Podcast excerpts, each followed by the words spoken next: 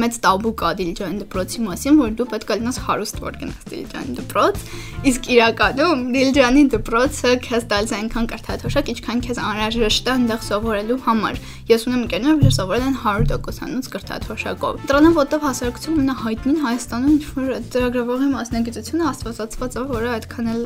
աշխարհում տենց աստվածածված չի, ինչքան Հայաստանում, որտեվ երբ Հայաստանի էկոնոմիկայի մեծ մասը գալիս է IT ընկերություններին։ Այս վերջերս ինձ մեղավոր էի զգում քնելու համար։ Լուրջ եմ ասում, ում հետ խոսում էի, հատկապես մարդիկ ովքեր ինչ-որ բաներ էին անում, իրանք ասում էին, որ իրանք 4 ժամ են քնում, ես ինձ մտածում եմ, նու ես հասկանում եմ, որ դա նորմալ չի, բայց զուգահեռ մեղավոր ես քեզ սկսում զգալ, որ դու ասենք չի, այդքան քնի վրա ես ծախսում։ Մեժարը ոդկասթը կրթության մասին։ Ողջույն բոլորին, այսօրվա մեր հյուրը Մարիամն է ու ինքը այստեղ է որ կիսվի միջազգային դպրոցում սովորելու իր փորձով, միջազգային համալսարանում սովորելու իր փորձով, սովորել է UWC քոլեջում նույն ավելի հայտնի է Դիլիջան դպրոց անվամբ, դրանից հետո սովորել է Ֆլորիդայի համալսարանում ու դրանից զատ երիտասարդ տարիքում մասնակցել է մի շարք կրթական ծրագրերի ու այսօր կիսվելու է իր փորձով։ Բարոյցը շատ հաճելի է լինել այստեղ հյուր։ Մի հատ կարևոր կետ, որ ես էլ կուզեմ ավելացնեմ նրան, ինչ Անգելը ասեց, ես եղել եմ մարզից ու մինչև դիլիջան դպրոց տեղափոխվել այդ ամբողջ ընթացքը ապրել եմ մարզում, Էջմիածնում, Արմավիրի մարզում ու անպայման կուզեմ նաև խոսեմ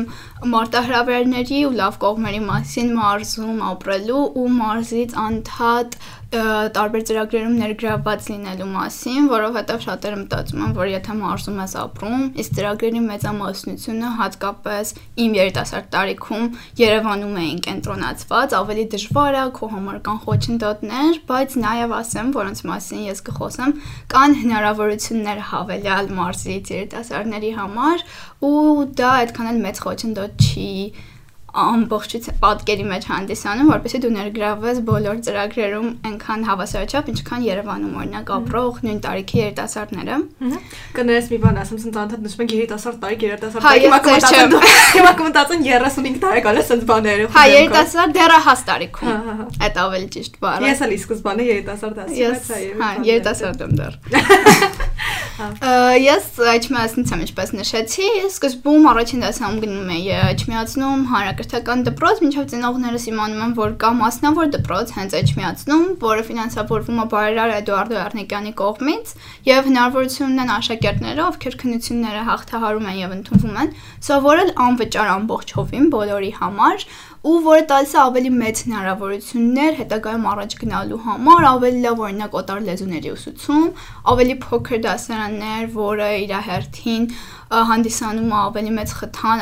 առանձին աշակերտների մոտիվացված լինելու համար ու շատ կարևոր էր իմ համար իմ ամբողջ կարիերայի մեջ շատ կարևոր քայլ էր այդ դպրոց տեղափոխվել ես կասեմ երրորդ դասում հանձնել եմ ընդհանրապես մաթեմատիկայի ու հայոց լեզվի քննություն ու հարցազրույց ու ընդունվել եմ երրորդ դասային երկրորդ կեսից այդ Էռնեկյան դպրոցը երկար տարիներ այնտեղ եմ սովորել մինչև միջին դպրոցի վերջ իսկ ինքը ընդհանուր առաջինից մինչև 12-րդ դասան ամբողջական դպրոց է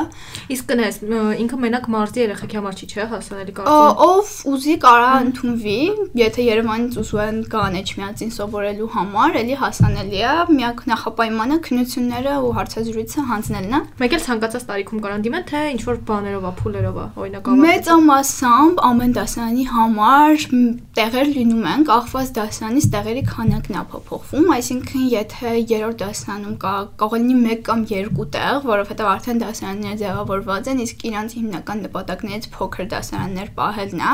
Առաջին դասարանում իհարկե մեծ 60 հոգանոց ընդունելություն է օրինակ լինում, ավագ դպրոցի համար ավելի մեծ ընդունելություն լինում, բայց ավելի այդ արանքային դասարաններում ավելի քիչ քանակությամբ, բայց համարյա միշտ ընդունելություն կա տարբեր քանակի աշակերտների ու նույնիսկ իմ դեպքում ես կիսամյակի կեսից ընդունվեցի, որովհետև բացել էին տեղեր, օրինակ երրորդ դասարանի համար երկրորդ կիսամյակից ես հենց այդ ժամանակ տեղափոխվեցի շատ կարևոր էր, որովհետև հանրակրթական դպրոցներում, օրինակ անգլերենը այդքան էլ լավ չի ուսուցանվում, գոնե մարզերում, ու իմ համար օրինակ այն անգլերենի մակարդակը, որ ես ունեցել եմ, համարյա երբեք չեմ ապարովել հավելյալ, օրինակ այդ դպրոցը շատ օգնել է։ Լավ հնարավորություն է, որ բոլորը արմավիրի մարզում կամ էջմիածնում են թե ապրում դեռ չգիտեն իմանան։ Այնտեղ սովորելու ընթացքում տենց հետաքրքիր կետերից եղել է այն, որ 12 երևի տարեկանում ծնողներս էլի տենց գտան իմացան ինձ մոտիվացրին որ դիմեմ ամենախելացին կոչվող հերոստաձրագրին կոնկրետ չեմ հիշում իրական տարիքը բայց երևի 12 տարեկան եմ եղել դա էլ էր հետաքրքիր փորձ, ես իրականում հական վախեցած էի, որտեվ կամերաների հետ աշխատանք առաջին անգամ այդքան փոքր, ստրես կա, տենց կանգնածած վրա լույսեր են։ Այդքանը չի ասի, որ լուրջ գիտելիքների առումով ինչ որ բան է փոխվում քո կյանքում, որովհետեւ ավելի շատ ստուգում են ինչ գիտես բայց հետաքրքիր փորձառություն էր ես կասեի իմ համար կամերաների հետ աշխատեցի խոսքս երևի ավելի զարգացավ որովհետև այնտեղ ոչ մի բան չի կտրվում ոչ մի բան չի մոնտաժվում կարելի ասել ոնց նկարվում է տենց գնում է եթեր ստեղել հաստեղել համարյա ու շատ հետաքրքիր էր նոր մարդկանց հետ ծանոթացա մասնակիցների ովքեր համարվում են այդ տարիքի Հայաստանի ամենախելացիները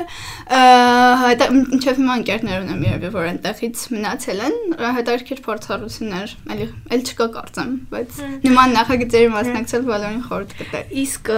երկու հարց ունեմ քեզ։ Մեկը այն թե ինչ էիր արել դու մինչև այդտեղ դիմելը, որ օրինակ դու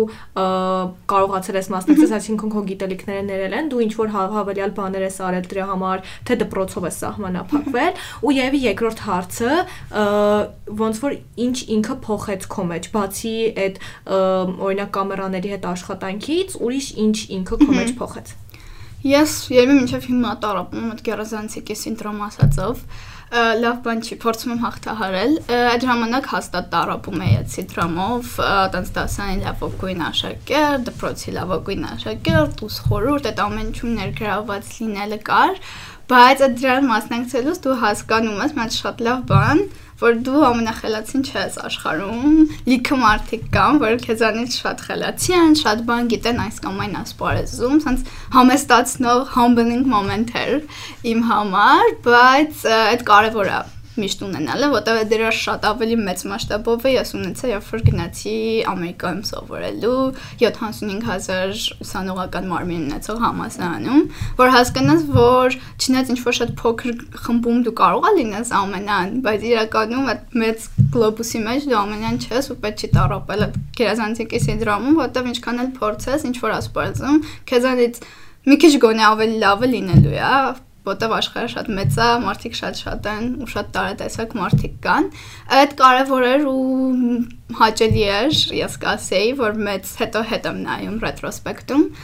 Այդ կարևոր բաներից էր, թե ինչ էի արել մինչև այդ, չէի ասի, որ շատ բանի արել, դրա համար տեղից սկսեցի, որտեվ այդ առաջին իմ տենց դպրոցից դուրս փորձառություններ կարելի ասել, դպրոցում հա ներգրավված եւ այդքանզի էջ միացնում էի ապրում դեռ, Երևանում էլ շատ բաների մեջ դեռ ներգրավված չէ, որտեվ 7-րդ, 6-րդ դասարանում էի դեռ, իմ տենց հիմնական բանը դպրոցներ, գնալ դպրոց, գալ անել դասերը, լավ սովորել, ու այդ կողմից էլ էր հետաքրքիր, որ կարելի անել նաեւ ուրիշ բաներ, օրինակ այդ իսկ ընդունելությունը ինչպես էր ամենախելացի դու դիմում էիր դիմելը հատուկ հայտադիմում չկար դիմում էիր հենց առաջին քննության օրը այսպես ասած գնում էիր մեր դեպքում մարս կենտրոն հոկտեմբերյանում էր մերը գրավոր թեստ էիր հանձնում որը հենց քո հայտադիմումներ կարելի է ասել ընդհանուր գիտելիքներից հարցեր էին երաժշտությունից, գրականությունից, նկարչությունից, արվեստից ուղղակի իրանք ուզում են որ դու լինեիր well-rounded մարդ, այսինքն ունեներ գիտելիքներ ամեն ինչի մասին, ոչ թե օրինակ միայն հայագիտության մեջ կամ միայն մաթեմատիկայում, բայց ամեն ինչի մասին, աշխարհի մասին գիտելիքներ ունենեիր։ Դրանից հետո հենց նույն պահին, ովքեր անցնում էին, դու սպասում էիր մի ժամ, իրանք հայտարարում էին ովքեր են անցել հաջորդ փուլ։ Հաջորդ փուլը հարցազրույցի փուլն էր։ Հենց էլի մի 5-6 ժամ այդ ամբողջ process-ը տևեց այդ նույն կետում, ձեզ հերթով արդեն կանչում են ներս, մի քանի հոգի ա նստած այս հանձնաժողովը հենց խմբագրական կազմից ու տալիս են հարցեր, էլի տարբեր ուղություններից քո մասին, տեսնեն ինչպես ես խոսում, հենց ընդեղ էլ դրված է տեսախցիկ, այսինքն դու ինչպես ես տեսախցիկի հետ աշխատում, այդտեղ ընդունում ես մի թեմա, հենց իրական ամենախելացի պես ու քեզ տեղից արագ հարցեր են տալիս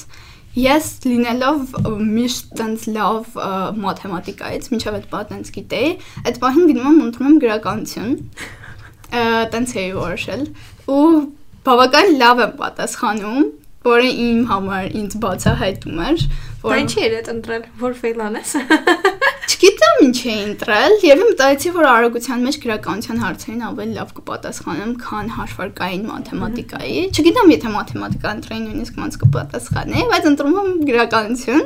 ու ելի ինձ բացահայտելու հետաքրքիր կողմեր, նաև ամբողջ հաղորդաշարի ընթացքում, որովհետև իրականում իրական հաղորդաշարում ամեն այնտեղ ընտրում ես հերթականությամբ թեմաները ու կարող է քեզ մնա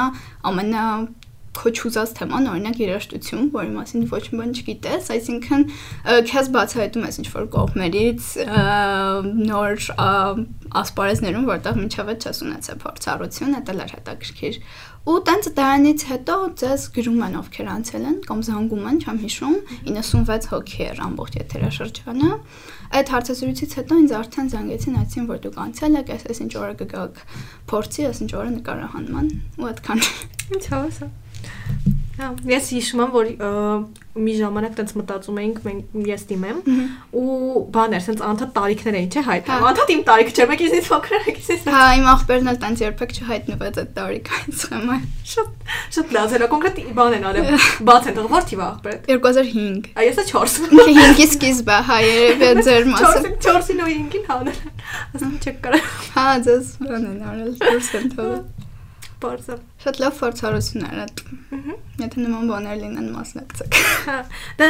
բանը էլի տենց ծրագրեր կան, օրինակ, չգիտեմ հիմա կա թե չէ, կարծեմ չէ, հայասպետ, բան տենց տենց բաներ շատ կան ու ոնց որ ամեն պարտադիր չի հենց ամենախելացին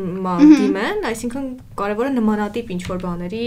մեջ ներգրաված լինելն է։ Կարևոր բան է, որ սովորում ես մոռացա նշում ստրեսակայությունն է, կյանքի ինչքան մեծում ես, այնքան ավելի շատ իրավիճակներ լինում, որ քեզ պետք է լինես ստրեսակայուն, որը հանրը սովորական դպրոցում այդքան շատ չի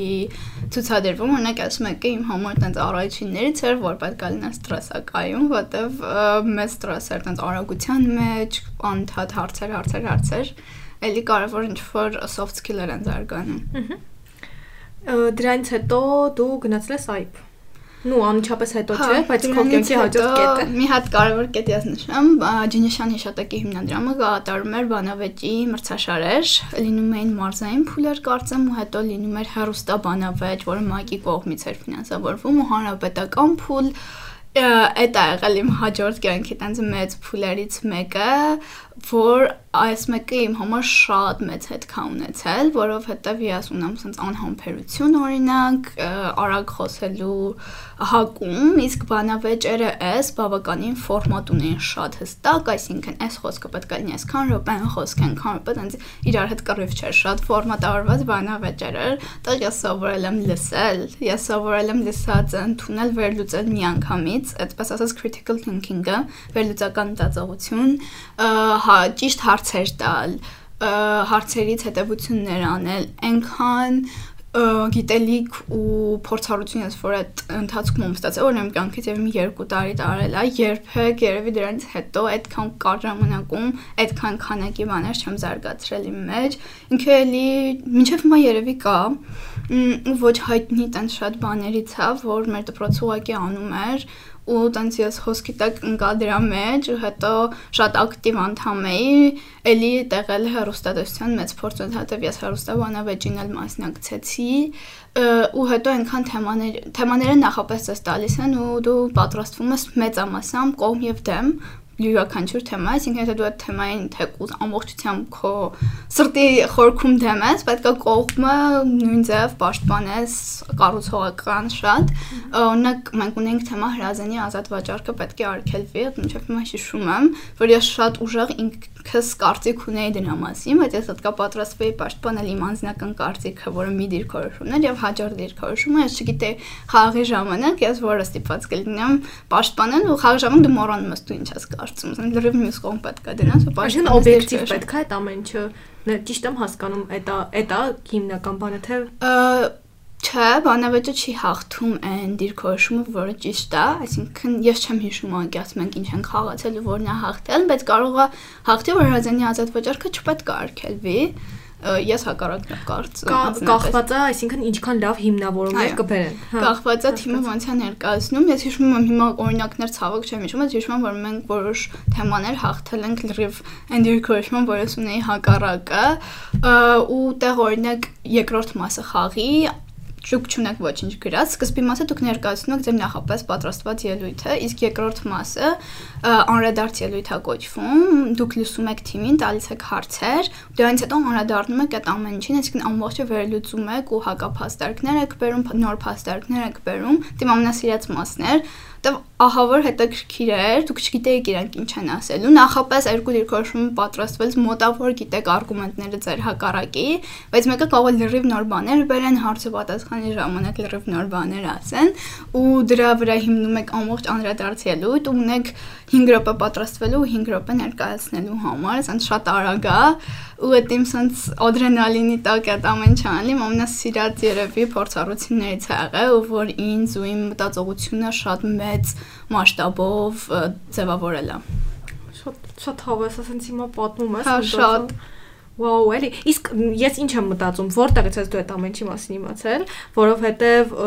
օրինակ ներկայացրածից հետ գոնե թե երկուսի մասին, մեկը Տելբակյան դպրոցի, մյուսը այդ բանավեճերի մասին, ես բացարձակ չեմ իմացել մինչև այս պահը։ Արնեկյան դպրոցը, ինչպես նշեցի, ծնողներս են իմացել, մամայիս գոլեգաներից մեկի մաման աշխատում էր այդ դպրոցում, այդտենց լրիվ տենց ենք իմացել, ու այդ միացնում է դու շատ հա։ քիչ հավանական։ Իսկ բանավեճի ասմրցաշարերը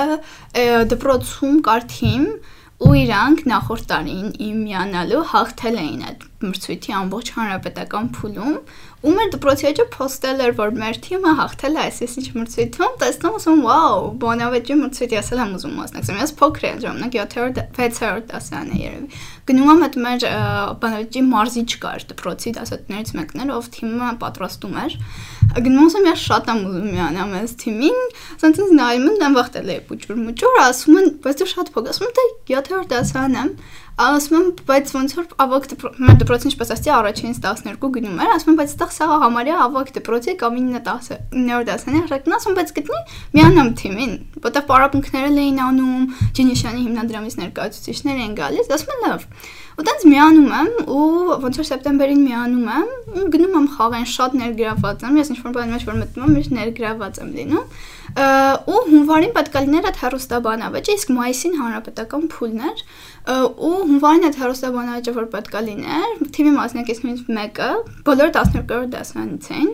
չի ստացվում որ մասնակցի ու ինձ այդ մեր հիմնադրամը կուզես դու մասնակցես, քեզ մենակ կտանք այդ բացման խոսքը անգիր կանես, կգնաս կասես այնտեղ կուզես դու էլ մասնակցես ու նկարները կան սենց սաղ մեծ բան մի ասած փոքր ասում հա իհարկե ոնց տենց շատ մեծ ջանքեր եմ դնում որ այդ խոսքը լավ սովորեմ իհարկե սենց կանգնել էի ձանս դողում էր բնականը որ շատ ողեցած ընդհանուր մի խոսք պետք է անգիր ասեի ու հետո հարցը պատասխանի ժամանակ ինձ հարց են տալիս ասում են ես անգիր արա ասել այդ հարցը որ ներգրավվածությունները ամբողջ թիմի ու ասում բայց այդ իմ համարն այնց վաու էր դրանից հետո ու բայց իրան գոհ էին ինձնից կարևորը դրանից հետո արդեն մտնում եմ քաղաքային թիմի մեջ փոխնեփոխ են խաղում, որտեվ 5 հոգուց ավել մարդ ունենք, 5 անդամ պետք է լիներ թիմը։ Մեկ-մեկ ես էլ էի մասնակցում, էլ տենց շատ սկզբնական խոսքերով, ոչ վերլուծական մասը։ Բայց դրանից հետո երբ որ հանրապետական պետք է գնանք, ելի ինչ որ մեկը դուրս է գալիս, ինձ ասում են դու կուզես HMS-նի հանրապետականի թիմում լինես, որը կազմված էր բոլոր դպրոցների ուսանողներից, որոնք մասնակցում էին։ Այսինքն մի հոգի մեր դպրոցից, մի հոգի ուրիշ ասում եմ հա կուզեմ տենց միանում եմ դրան իրական շատ խնդալու sense պատականությունների շարքա ու հանրապետականն ենք պատրաստվում դե ես մտածում եմ թիմի ավակ պետք է լինի ու ավակը բավական մեծ գործ է անում այսպես ասած leadership-ի մեծ բան պետքա ցուցաբերես։ Էլի մեծ էին քեզ ինձ թիմակիցը, թե արդեն էին։ Ես էի, կար մի հոգիով իմ տարիքեր ու իմ դասարանցիներ, այդ երկուսն էին Էջմիածնից, մյուսները 9-րդ, 10-րդ, 11-րդ դասարան էին, եթե չեմ սխալվում, այդ 5 հոգին, այսինքն իմ տարիքի մեկը կար։ Ու տենց ես ես սիրում եմ լինել sense կազմակերպիչ ու ես ասում եմ ես կորամը տպամ այս խոսքերը, եկեք shared file սարքենք մեջ գրանք բան, բայց ես չեմ անում այդ ամեն ինչը որ ինձ ասեն ավակ եղիր բան, մտամ մտածում եմ երևի այն 11-րդ դասարանի աղջիկը կլինի ավակ Ու տենց մեկ էլ այդ մարզող մարզիչը, որը մեր դպրոցինը չէր, մեկն է լինում, այսինքն դպրոցներից այս անգամ ուրիշ դպրոցի մարզիչներ, ամբողջ թիմի մարզիչը հանրապետականի, ասում է, ես կարծում եմ, Մարիամ, որ դու պետք է լինես ապակը, որովհետև ամենաշատը դու ես կազմակերպչական մասնակցում։ Իհարկե չէ չեմ ասում, ուրախանում եմ, բայց նաև մեծ պատասխանատվություն է իմ ուսերին լինում։ Այսինքն ամբողջ թիմը ես պետք է համակարգեմ խաղի ընթացքում այսինքն ես հարցն ենք տալիս, ես հարցը չենք տալիս, դու ես խոսքն ես ասում, րոպեն պահել, պատրաստվելուց էլ Բայց ցած գն ես եմ լինում ավակը ու սփոյլեր մենք գրավում ենք երկրորդ տեղը հանրապետությունում։ Իրականում ես շատ սկզբում չէի սպասում, որ մենք դաժե առաջին փուլից առաջ կգնանք, բայց երբ որ գնում ենք, արդեն սպասումներ են ցած մեջդ մտնում ու քեզ բոլորը գովում են, որտեվ դու շատ բուճուր ես, բայց շատ լավ ես խոսում։ Այդ ամեն ինչը վրա դիր ես արդեն ուզում եմ հաղթեմ ամբողջ մրցաշարը, չնայած այդ սպասումով չէի գնաց սկզբից ու տենց արդեն հարաբերականին ենք ու նաև ժրիբիով կա ասվածն է լինում, որի ընթացքում դու ընտրում ես քո դիրքորոշումը, որն ես լինելու վերջին փուլում, ու ես ընտրել եմ դիրքորոշումը, որ մենք իրոք ուզում ենք պաշտպանել, բայց հանրապետականին համ ես եմ շատ վատ ներկայանում, համ ընդհանուր թիմս ու դիմացի թիմն ամբողջը 12-րդ դասարանի աշակերտներ էին, ու ես ինձ այդ դժգոհ ստրեսի տակ տենց ված ներկանալու համար մենք այդ վերջին ֆինալի խաղը պարտում ենք ես այնց այնտեղ նստած լացում էի շատ իմ առաջին մեծ պարտություններ երևի կյանքի բայց ահա որ շատ մեծ դաս որտեվ ես թիմի ավակն իմ վրա ամբողջը վերցնում շատ շատ մեծ տարբեր տեսակի բաների զարգացում էր սկիլերի զարգացում էր Լիս ես ոնց որ արդեն բան անեմ, ձև թափեմ, բայց անկյաս Որով ոդկաստնա պատմում են ու իմ աչքերը լցվում է անկեղծ, չգիտեմ ինչից է, ցած ոնց է ցած էմոցիաները ձեր հետ ապրում Բանը ինչ էի ուզում ասեի։ Գիտես, մի հատ կարծիք ասեմ, այդ որ ասում ես բանը մեր ուզած բաններ, կարծիքներ որ պաշտպանեմ, չգիտեմ, այսօր սա սուբյեկտիվ դիրքորոշում է, բայց ես օրինակ կյանքում զգացել եմ ինչ որ բանի հանդեպ ինչ որ emotional attachment եմ, էմոցիոնալ կապվածություն եմ ունենում, գաղափար կլինի, ինչ որ բան անելու համար կամ ինչ որ հաղթելու համար, եթե ես էմոցիոնալ կապվածություն եմ ունենում, ինքը միշտ ոնց որ զիջում է հա։ այն արդյունքին, այն ամենալավ արդյունքին, քան եթե ես կենտրոնացած եմ ոչ թե իմ էմոցիոնալ կապի վրա, այլ իրա ճիշտ իմպլեմենտացման, ոնց ճիշտ բացատրեմ, հա։ Այդ կարող է լինի, ես չգիտեմ, բան ուրախացել էր որ քաշել եմ այն ինչ որ ուզում ենք, բայց հա Եկամ շատ գոհ էի հետո որ հետամ նայում ինձանից թե ինչքան բան եմ տեղն եք գրավել։ Come on, այդ ոնց որ դրա համար չեմ ասում, ուղղակի առհասարակ չծծած որտեվ ասում եմ ընթացքում եղել եմ որ պաշտպանել եմ այն դիրքորոշումը, որ չեմ ուզում ու ավելի լավ արդյունք ենք գրանցել։ Եկամ ես հետո հետամ նայել ու լիքը բաների վրա աշխատել եմ որպես օրինակ լիդեր, որովհետեվ խաղերից մեկի ժամանակ ես այնքան կոպիտ եղա թիմակցից հանդեպ սկսեց լացել խաղի ժամանակ ու իմ դասարանցիներ ու ես շատ ված զգացի իհարկե, բայց ես վատ բան չէի ասել իրան։ Իրան ուղղակի ես ոնց որ նախորոք ինչ որ խորհուրդներ տվեց իր խոսքից առաջ, ինքը չլսեց իմ խորհուրդներին ու հետո դատավորներ կային, ովքեր գնահատում են խաղը շատ կոնկրետ matrix-ի վրա։ Նույն բաներ ասին, ինչ որ ես էի իրան ասել, ես պատտվեցի ասացի խաղին հələ չի վերջացել էլ այդ դատելու process-ը ֆրանսիացի բավար ասում էի պատկասրանից հետո ինձ լսած եւ ինքը չկոպիտ եմ հաստատ ասել ոչ թե սենց բայց այդ օրինակ որպես լիդեր բնականաբար շատ սխալ քայլ է անելը որ հիմա հասուն տարիքում նայում եմ բայց այդ պահին 7-րդ դասարան էի ու արեցի դա ու բավական ված ստացվեց հետո ինքը ասում էր ես էլ չեմ մասնակցել ու չեմ շարունակել չնայած հաղթել ենք խաղքներ Բայց հա տենց լիքը cover-ը reflect անելու կետերը լս ունենում հաստատ։ Չգիտեմ ռասետալ ինչ ասա։ Շոտ շոտ շոտ։ Մասնակցեք ինչքան շատ տենց հնարավորություն լինում են հաստատ մի բան գոնեք սովորեք, բայց մեկից ավել սովորով։ Հա։ Լավ, բա հետո ես էլ չառում նպատի։ Հա, հետո Թումո եմ գնացել, Թումոյի մասին շատ մարդ գիտի վստահ եմ, ու հենց Թումոյից եմ իմացել UWC-ի մասին, ասում էր որտեղից եմ իմանում հնարավորությունների մասին, Թուման չեմ հիշում 12 տարեկանից էր թե 14 12 ուրեմն իմ 12-ը լրացել է, ասենց անհամբեր գնացել ընդունվել եմ Թումո։ Առաջին դասընթացս աղել լուսանկարչություն։ Ես ուզում էի դառնալ ծրագրավորող, այս մասին հələ կխոսենք։ Ես ծրագրավորող չեմ, ինչպես նկատեցիք։ Ինձ ինձ թվում է օրինակ որ սկզբում ներկայացնում էիր, ասեցիր քո մասնակցության անունը information systems ինֆորմացիոն համակարգեր։ Որ տենց ասցի ես մտածեցի որ ինքը ծրագրավորման հետ կապ ունի, ինձ թվում է իմ հետ էլի մարդիկ կան։ Ունի, ավելի շատ, եթե փորձեմ նկարագրել data-ի անալիզ բիզնեսի համար բիզնեսի տեսանկյունից ես 3 տարին մենակ բիզնես եմ անցնում, անցնում եմ էկոնոմիկա, ֆինանսներ, աշխատություն, միայն իմ վերջի տարում ամբողջությամբ անցնելու ամ ծրագրավորման լեզուներ, որոնք օգտագործվում են բիզնես դատայի հետ աշխատանքի համար, բայց ինքը հատուկ դամար նշեցի, որ բիզնես քուլում է, բիզնես դպրոցում է մեր համասարանի, ինքը ավելի ունի բիզնես ուղղվածություն, ես կարիերան ավելի բիզնեսի ուղղությամբ եմ տեսնում, բայց ավելի հետաքրքիր։ Հայ ես գիտեի դառնալու եմ ծրագրավորող, բայց առաջին դասընթացը որ հաջողացրի գնամ լուսանկարչություններ, մինչև հիմա շատ մեծ ը, էնտուզիազմով զբաղվում եմ լուսանկարչությամբ որպես հոբի ուղակի, բայց Թումոն այնքան շատ բան է սովորացնում։ Հիմա չգիտեմ ինչ մակարդակի է, բայց մեր ժամանակ շատ բարձր մակարդակում էր դասընթացները, դրսից հատուկ դասընթացավարներ էին գալիս, Թումոյում նաև արել եմ կամավորություն, երբ որ արդեն ես մի քիչ ծրագրավորման, կայքերի ստեղծման դասընթացների բոլոր փուլերին եմ մասնակցել բնականաբար, երբ որ ես արդեն մի քիչ գիտեի, երևի 14-15 տարեկանում, կայքերի ստեղծման դասընթացի ասիստենտն էի նաև։ Հիմա իմ ժամանակ արդեն հանել էին ասիստենտ լինելու բանը, ոնց որ չգիտեմ հետ բերել են կա դեռ թե չկա, բայց Հա, այդ էի, այդ էլ էր հետաքրքիր օգնում էի սովորացնել։ Տենց նաև Color Dojo կոչվող խմբակը կար, որը էլ կարծեմ չկա, էլի շատ ավելի փոքր տարիքի երեխաներին էինք ծրագրավորում սովորացում Scratch-ով ու ալգորիթմների հետ աշխատելով։ Տեղել եմ եղել դասընթացավար։ Հա, Թումոյում մի օր տենց հայտարարում են, դա հայտարարություններ էին ասած բարձրանում հաճախ մեր ժամանակ։ Հայտարարում են, որ Դիլջանի միջազգային դպրոցի ներկայացուցիչներ կան, ովքեր ցանկանում են մասնակցել info session-ին, համեցեք կինոդահլիճ։ Ես գնում եմ, ինձ իմ papan գալիս էր տանում էր Թումոյից, papai զանգում եմ ասում եմ, ստեղ մի հատ sense session կա, ուզում եմ մասնակցեմ, գնում քիչ ուշ գաս։ Սպա հա գնում եմ, ընդ իրանք ֆլայերներ են բաժանում, իրանք մասին թրուցիկներ։ Մեծ ուշադրությամբ լսում եմ, տենց ողջավորված գնում եմ տուն, եւ 13 տարեկան է, ասում եմ Ես ընդունվել ուզում եմ այս այս դպրոց գնամ, նայեք ինչ ուրախ բան է, ասենց բաներ են սովորացնում։ Ինձ մի քիչ հետո բարձվում է իջմիածնից ծանոթ մամային աղջիկ կա, ընդհանուր ծանոթ, որ այս տարի ընդունվել է ու գնալու այսինքն ինքն ինձ 2 տարի մեծ է։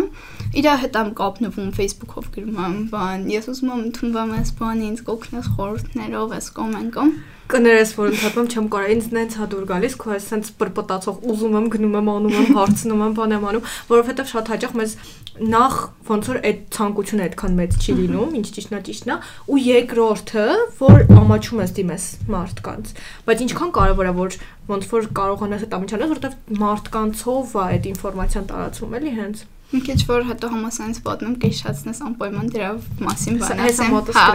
որտեվ շատ-շատ կարևոր է բոլորը պատրաստ են ձեզ օգնեն։ Ես անձամբ միշտ որ ինձ գրում են UWC մասին հարցեր, իմ էսեյները ստուգել, միշտ ահա որ բացեմ, էլ եթե մարդիկ լինեն, ինձ կարան գրեն։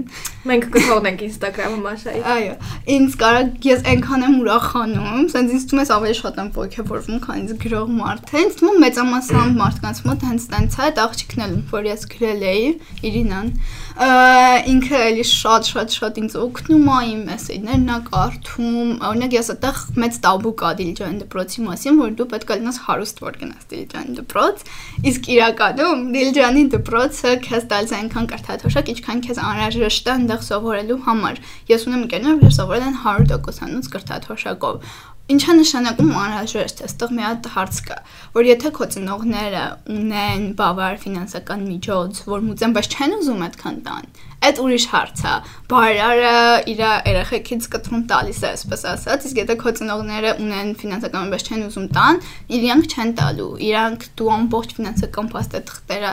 դիմում ես իրենց ու իրենք ըստ դրա ասում են, որ օրինակ, երբ որ քո papan ստանում այսքան աշխատավարձ, քո մաման ստանում այսքան աշխատավարձ, դուք ունեք այս տունը, ավտոն, չգիտեմ, ինչ, այսքանը նորմալ գումար է, որ դուք վճարեք կրթության համար։ Մնացածը բարերարները կտան, բայց եթե դու չունես հնարավորություն, ամբողջությամբ բարերարները վճարում են հատկապես Հայաստանի ուսանողների համար բավական մեծ ֆոնդ կա Ռուբեն Վարդանյանի կողմից հենց ստեղծված, որին հայ եւ արտասահմանցի լիքը բարերարներ գումարներ են ամեն տարի նվիրաբերում ու Եթե դու ընդունվել ես ու չունես հնարավորություն վճարելու, քո կրթության հնարավորությունը քո ձեռքից չեն վերցնի, դու կստանաս կրթաթոշակ, որպեսզի կարողանաս սովորել այնտեղ։ Այդ էլ ինքը օրինակ ինձ ասաց, որ ես այդ դրա մասին չմտածեմ, որովհետև իրանք ինձ այնքան կրթաթոշակ կտան, ինչքան ինձ պետք է, այդ իմ մի վախերից էր։ Անգլիանի մակարդակի մասին ունենք, որ դու չպետք է իմանաս հիասքանչ անգլերեն, ես այդ ժամանակ չգիտեի հիասքանչ անգլերեն, դու պարտադիր չի sense մենակ անգլերենով ազատ խոսես, որ քեզ ընդունեն։ Երևի ես ունեի B1, B2 մակարդակի անգլերեն ամենաշատը, հուզվելուց հետո մի քիչ իջնում էր մակարդակը, բայց դա էլ ինքին դաս որ պարտադիր չի, իրանք ուզում են տեսնեն սովորել ուզող, ակտիվ ներգրաված երիտասարդներ։ Դա նպատակը ոչ թե անգլերեն լավ խոսող դպրոցում գերազանցիկ սովորող ուսանողներ, որը ինձ թվում է հաճախ տաբուն է այդ Դիլջան դպրոցի մասին ու հարուստ։ Հա։ Տենց Թումոյում նաև այդ իմացա, որ շատ լավ բան էր։ Ասենց շղթայական ռեակցիա Հա։ կոմոդ գնացա մի բանից որ մյուսն մեծ։ է բացվել։ Շատ հետաքրքիր է։ Բա լավ, բա հետո ոնց էր այնտեղ ոնց է ընդունելության համար քննություններ եք անցնում, հարցազրույց եք անցնում։ Այդտեղի վերաբերյալ մի բան, ես նաև դիմեցի ֆլեքսին, քանզի տենց ինչ կար դիմում էի։ Ընդունվեցի, բայց հասկացա, որ եթե այդ տարի գնամ flex, ոնց որ այդ տարին ամբողջական ընկնելու այն ժամանակ, երբ որ ես նաև պետք է անեմ UWC քննությունները, որոնք դու ֆիզիկապես պետք է անեիր երկրորդ եւ երրորդ փուլերը դպրոցում։ Այսինքն UWC դպրոցի երրորդ փուլի քննությունները, որոնք հունվարի կողմերն են լինում, դու գնում ես դպրոց, այնտեղ տարբեր Հա, փուլերով դպրոցում, հա։ Ահա, իսկ եթե ես գնայի Ամերիկա, ես չէի լինի ստեղ որ գնայի դպրոց ու տենց բական ծանր որոշում էր ֆլեքսը, այսպես ասած, թողնելը, հրաժարվելը Մի հատ գնալը։ կարևոր բաներ եմ ուզում կներես, որ ընդհատում եմ քեզ, ընդգծեմ ստեղ, որ որոշումներ կայացնելու, ընտրություններ կայացնելու սկիլը, ընտրություններ կայացնելու, դրություններ կատարելու։ հա։ Սկիլը ինքը շատ-շատ կարևոր է։ Ես էլ սկսել եմ հա։ գիտակցել մի քիչ ավելի մեծ տարիքում, որովհետև երբ որ մենակ էի ապրում ու հասկանում էի, որ ամեն ինչ չես կա, չես կա երկու ձմերուկ, հա։ երկու, քան մի ձեռով, երկու ձմերուկ։ Օրինակներ բերում եմ, մոռանում ինչ պետք է ասեմ։ Մի խոսքով չես կա ամեն ինչ միանգամից անես, դու պետքա ընտրես, հա, բոլորը լավն են, բոլորը քեզ շատ թույն տարբերակ են թվում, բայց դու պետքա ընտրես քո համար որն է ավելի կարևորը։ Այդ բարդ է շատ ու նոր հիշեցի, որ ասում բաներ եմ մոռանում։ Ինստանտ 7-րդ ասում եմ ծնողները ասում են իմ հնարավորությունը կես ծնողներն են առաջարկում, կեսը ես եմ գտնում, ասում են ֆիզման դպրոց կա Երևանում, որ ընդունելություն 700 դասանից է։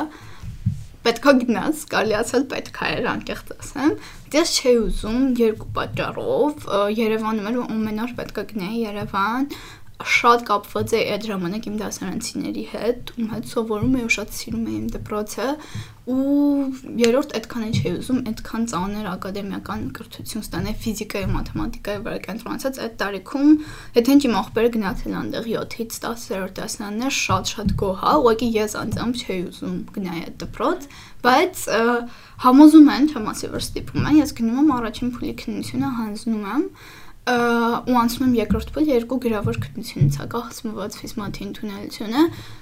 բայց չեմ կանի կարողրամ հոգուս խորքում ինչքան չէի ուզում գնալ այդ ընտրություն որ հա էլի լավ քայլ առաջ քայլ է բայց ես այդ քայլը ահա որ չէի ուզում անեի ու երկրորդ փուլի քննությունը այդ մտքում շատ վատ եմ հանձնում չեմ կարող հիմա հիշելով ասեմ ինադու եմ շատ վատ հանձնում թե ուղղակի Ենթագիտակցել ես։ ենթագիտակցում, բայց առաջին քննությունից ես ստացել բավական բարձր ու երկրորդը ասենց չեմ գնում կարծեմ կեսը, բայց ու չեմ գնում, տեղից շարունակում եմ իմ դպրոցում։ Հետո նույն կերպ առաջարկում են 10-րդ դասարանում, դե եթե ֆլեքս չեմ գնում, գնալ այբ, այբ ավակ դպրոց։ Կներես այդտեղ էլ բան ասեմ, ես էլ ֆիզմատ դիմել եմ ու էլի նույն ձև էր իմ մոտ։ Մաման էր շատ ուզում, որովհետև լավ դպրոց է բան մայ այլն, բայց ես էլ չէի զգում, որ ես ուզում եմ գնամ, ասենք չգիտեմ, ինձ պատմում էին այդ դպրոցից, որ օրական ասենք 40 խնդիր են լուծում, ասում ես չեմ ուզում օրական 40 խնդիր լուծեմ, ու իմ մոտ էլ այդ նույն պահը, որ նկարագրում ես, շատ-շատ ինձ էլ է կպնում, ես էլ ես առաջին փուլից ես չեմ անցել ու ու որ ը, սխալներս հետո նայում եմ վերլուծում, ասենք մեկը Եվ մինչև հիմա հիշում եմ, պետքա բանը։ Հա, չէ, ես այնքան եմ տպավորված, որովհետև շատ ուժեղ ստրես էի տարել, որովհետև ես այդ ժամանակ որ չանցա առաջին փուլը, ես մտածում էի, ես աշխարի ամենավատ մարդն եմ, լուրջ եմ ասում, իմ մաման այնքան էր նեղվել, որ դուրս եկանք այդտեղից, սենց պատմեմ լավ,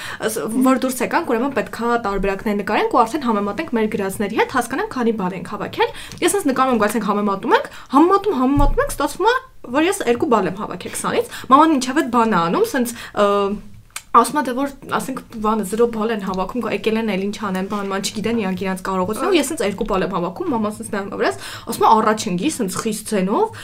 ու ես sense չգիտեմ, սաղ այդ ճամփին sense դողում եմ, մտածում եմ ինչքան վատն եմ ես բանման, բայց ես հասկանում որ ինքը իմ համար անհանգստանալով էր ուզում այդ ամեն ինչը, այդ չի հարցը, բայց ը, մեկ այ sense ինձ ահա որ վատ եմ զգում, ես մտածում եմ աստված իմ, ես իմ մաման չկարողացա հետամ այն ամեն բան, մեկ է ճամփի կեսին ասում կողա ուրիշ տարբերակ եմ նկարել ես, բացում, բացում տեսնում որ հենց այդ տարբերակը չեմ նկատել, մյուսն եմ նկարել ու այդքան ցածր չեմ գոնե չեմ անցել, բայց այդքան ցածր չեմ հավաքել։ Ու մի խոսքով մամային տենց ասում եմ Հետո արդեն որ խոսում ենք, մաման էլ նորմալ ռեակցիա տալի, վերլուծում ենք, հասկանում ենք, որ իմ համար ճիշտ շատ ստրես էր իր այդ ռեակցիան, բայց ամեն դեպքում ես էլ ոնց որ նույն ձև չէի ուզում ու ինքը չի լինում իմ մոտ։ Իմ կյանքում տենց ինչի ես հենց խորքից չեմ ուզում, ինքն տեսակ sense չի լինում, ենթագիտակցաբար ասում։ Ես էլ եմ տենց ու ես տենց բան կա, որ չի լինում ինչ որ բան, որ ես չեմ ուզում, կամ դաժե բաներ կան, որ ուզում եմ ու չի լինում։ Հետո այդ չլինելու արդյունքում մի հատ նենց լավ դուրա իմ համար բացվում, որ ասում եմ, ուրեմն այդ որ ասում պետք է որ տենց լիներ։ Մի հատ թեմայից մի բան եմ շեղվում, դու որ նշեցիր, որ հիասթափացրի ծնողներիս, այդ իմ մոտ էլա շատ-շատ շատ լինում։ Այդ իմ մոտ ամենամեծը, հեսա կասեմ ինչ ցեր, ու այդ շատ կարևոր կետա որ հաղթահարենք, որովհետև իմ ծնողները այդ իմ վրա չեն ստիպել, իմ մոտ եկել է իմ ներսից լինում է որ ավելի շատ ճնշում է լինում ծնողների կողմից, բայց շատ կարևոր է որ հասկանանք, որ մենք ապրում ենք մեր համար ու յուրաքանչյուր որոշման համար օրվա վերջում մենք ենք պատասխան տալիս ամբողջությամբ ու մենք ենք նաև դրանից ստացած լավ կողմերը վայելում, այսպես ասած ամենակարևորը։ Դե համար պետք է միշտ միշտ միշտ այդ դժվար է հաղթարել, ես չեմ հաղթարել ամբողջությամբ, բայց չգիտեմ հոգեբանի հետ աշխատելու շնորհիվ հասկանալ, որ ձեր ծնողների համար դուք պատասխանատու չեք առավելևս իրանց էմոցիաները։ Ու իրանք էլ ձեր բաների համար պատասխանատու չեն, որտեղ իրանք զգում են պատասխանատվություն, ու այդ իրանց պատասխանատվություն զգալն է ձեզ դեպքում զգալ հակադարձ պատասխանատվությունը, բայց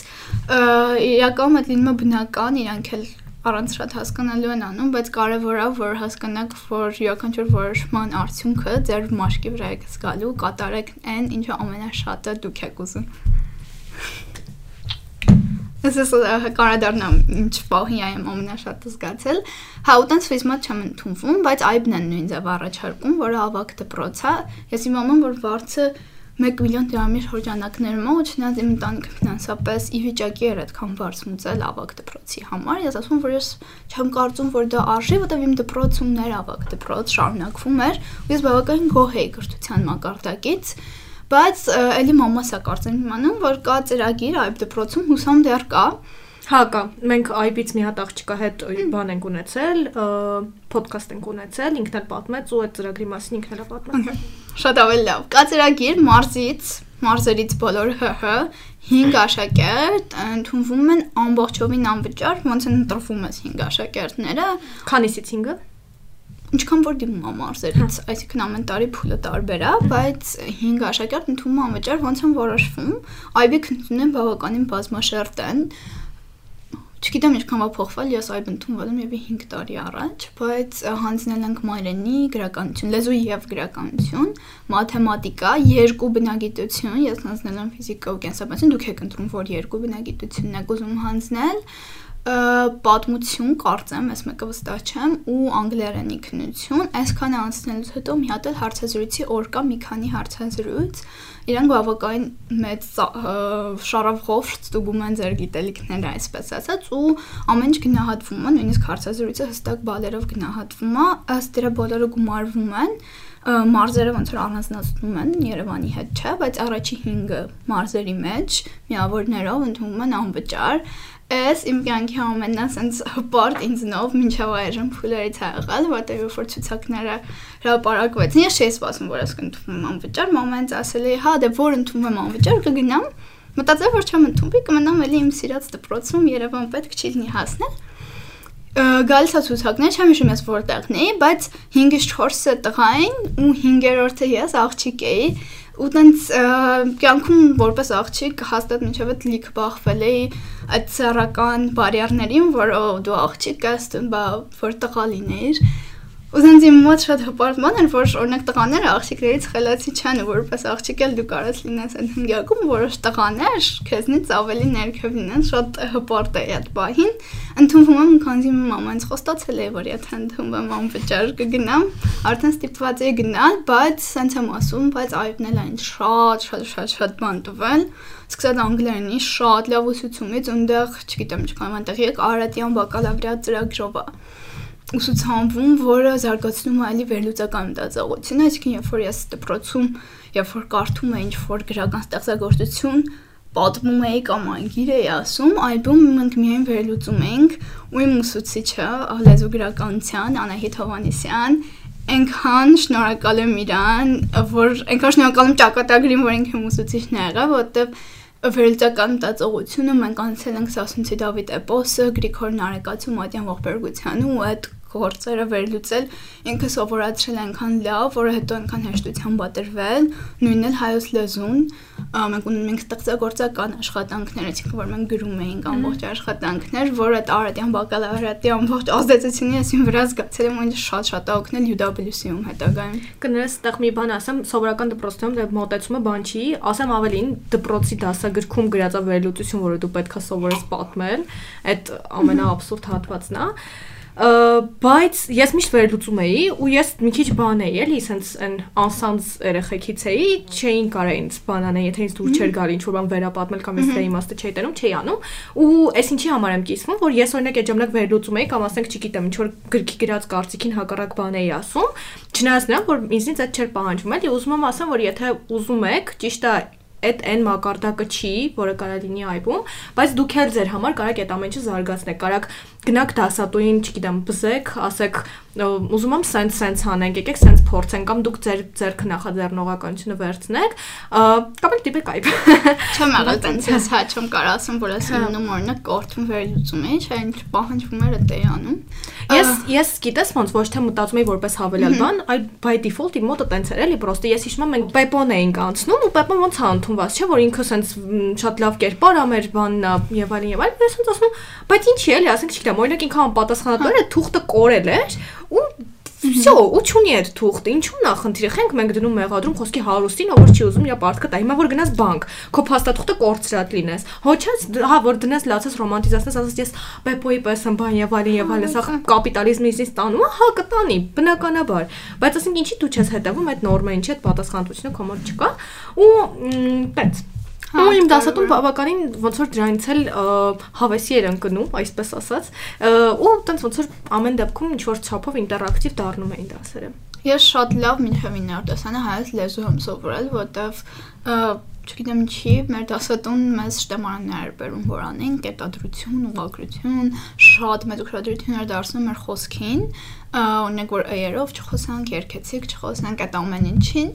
որը էլի շատ ինձ, այսպես ասած, ձևավորել է, բայց գրականության առումով չի ասի, որ փայլում էինք վերլուծական։ Նույնը պատմությունը, ես անցնում եի պատմական դեպքեր, Ինձ թվում է մինչև հիմա էլ տենց հա, ոնց որ անցնում ես 6-ից 9-ը ամբողջ հայոց պատմությունը, դա ավագ դպրոցում կրկնում ես ամբողջ հայոց պատմությունը։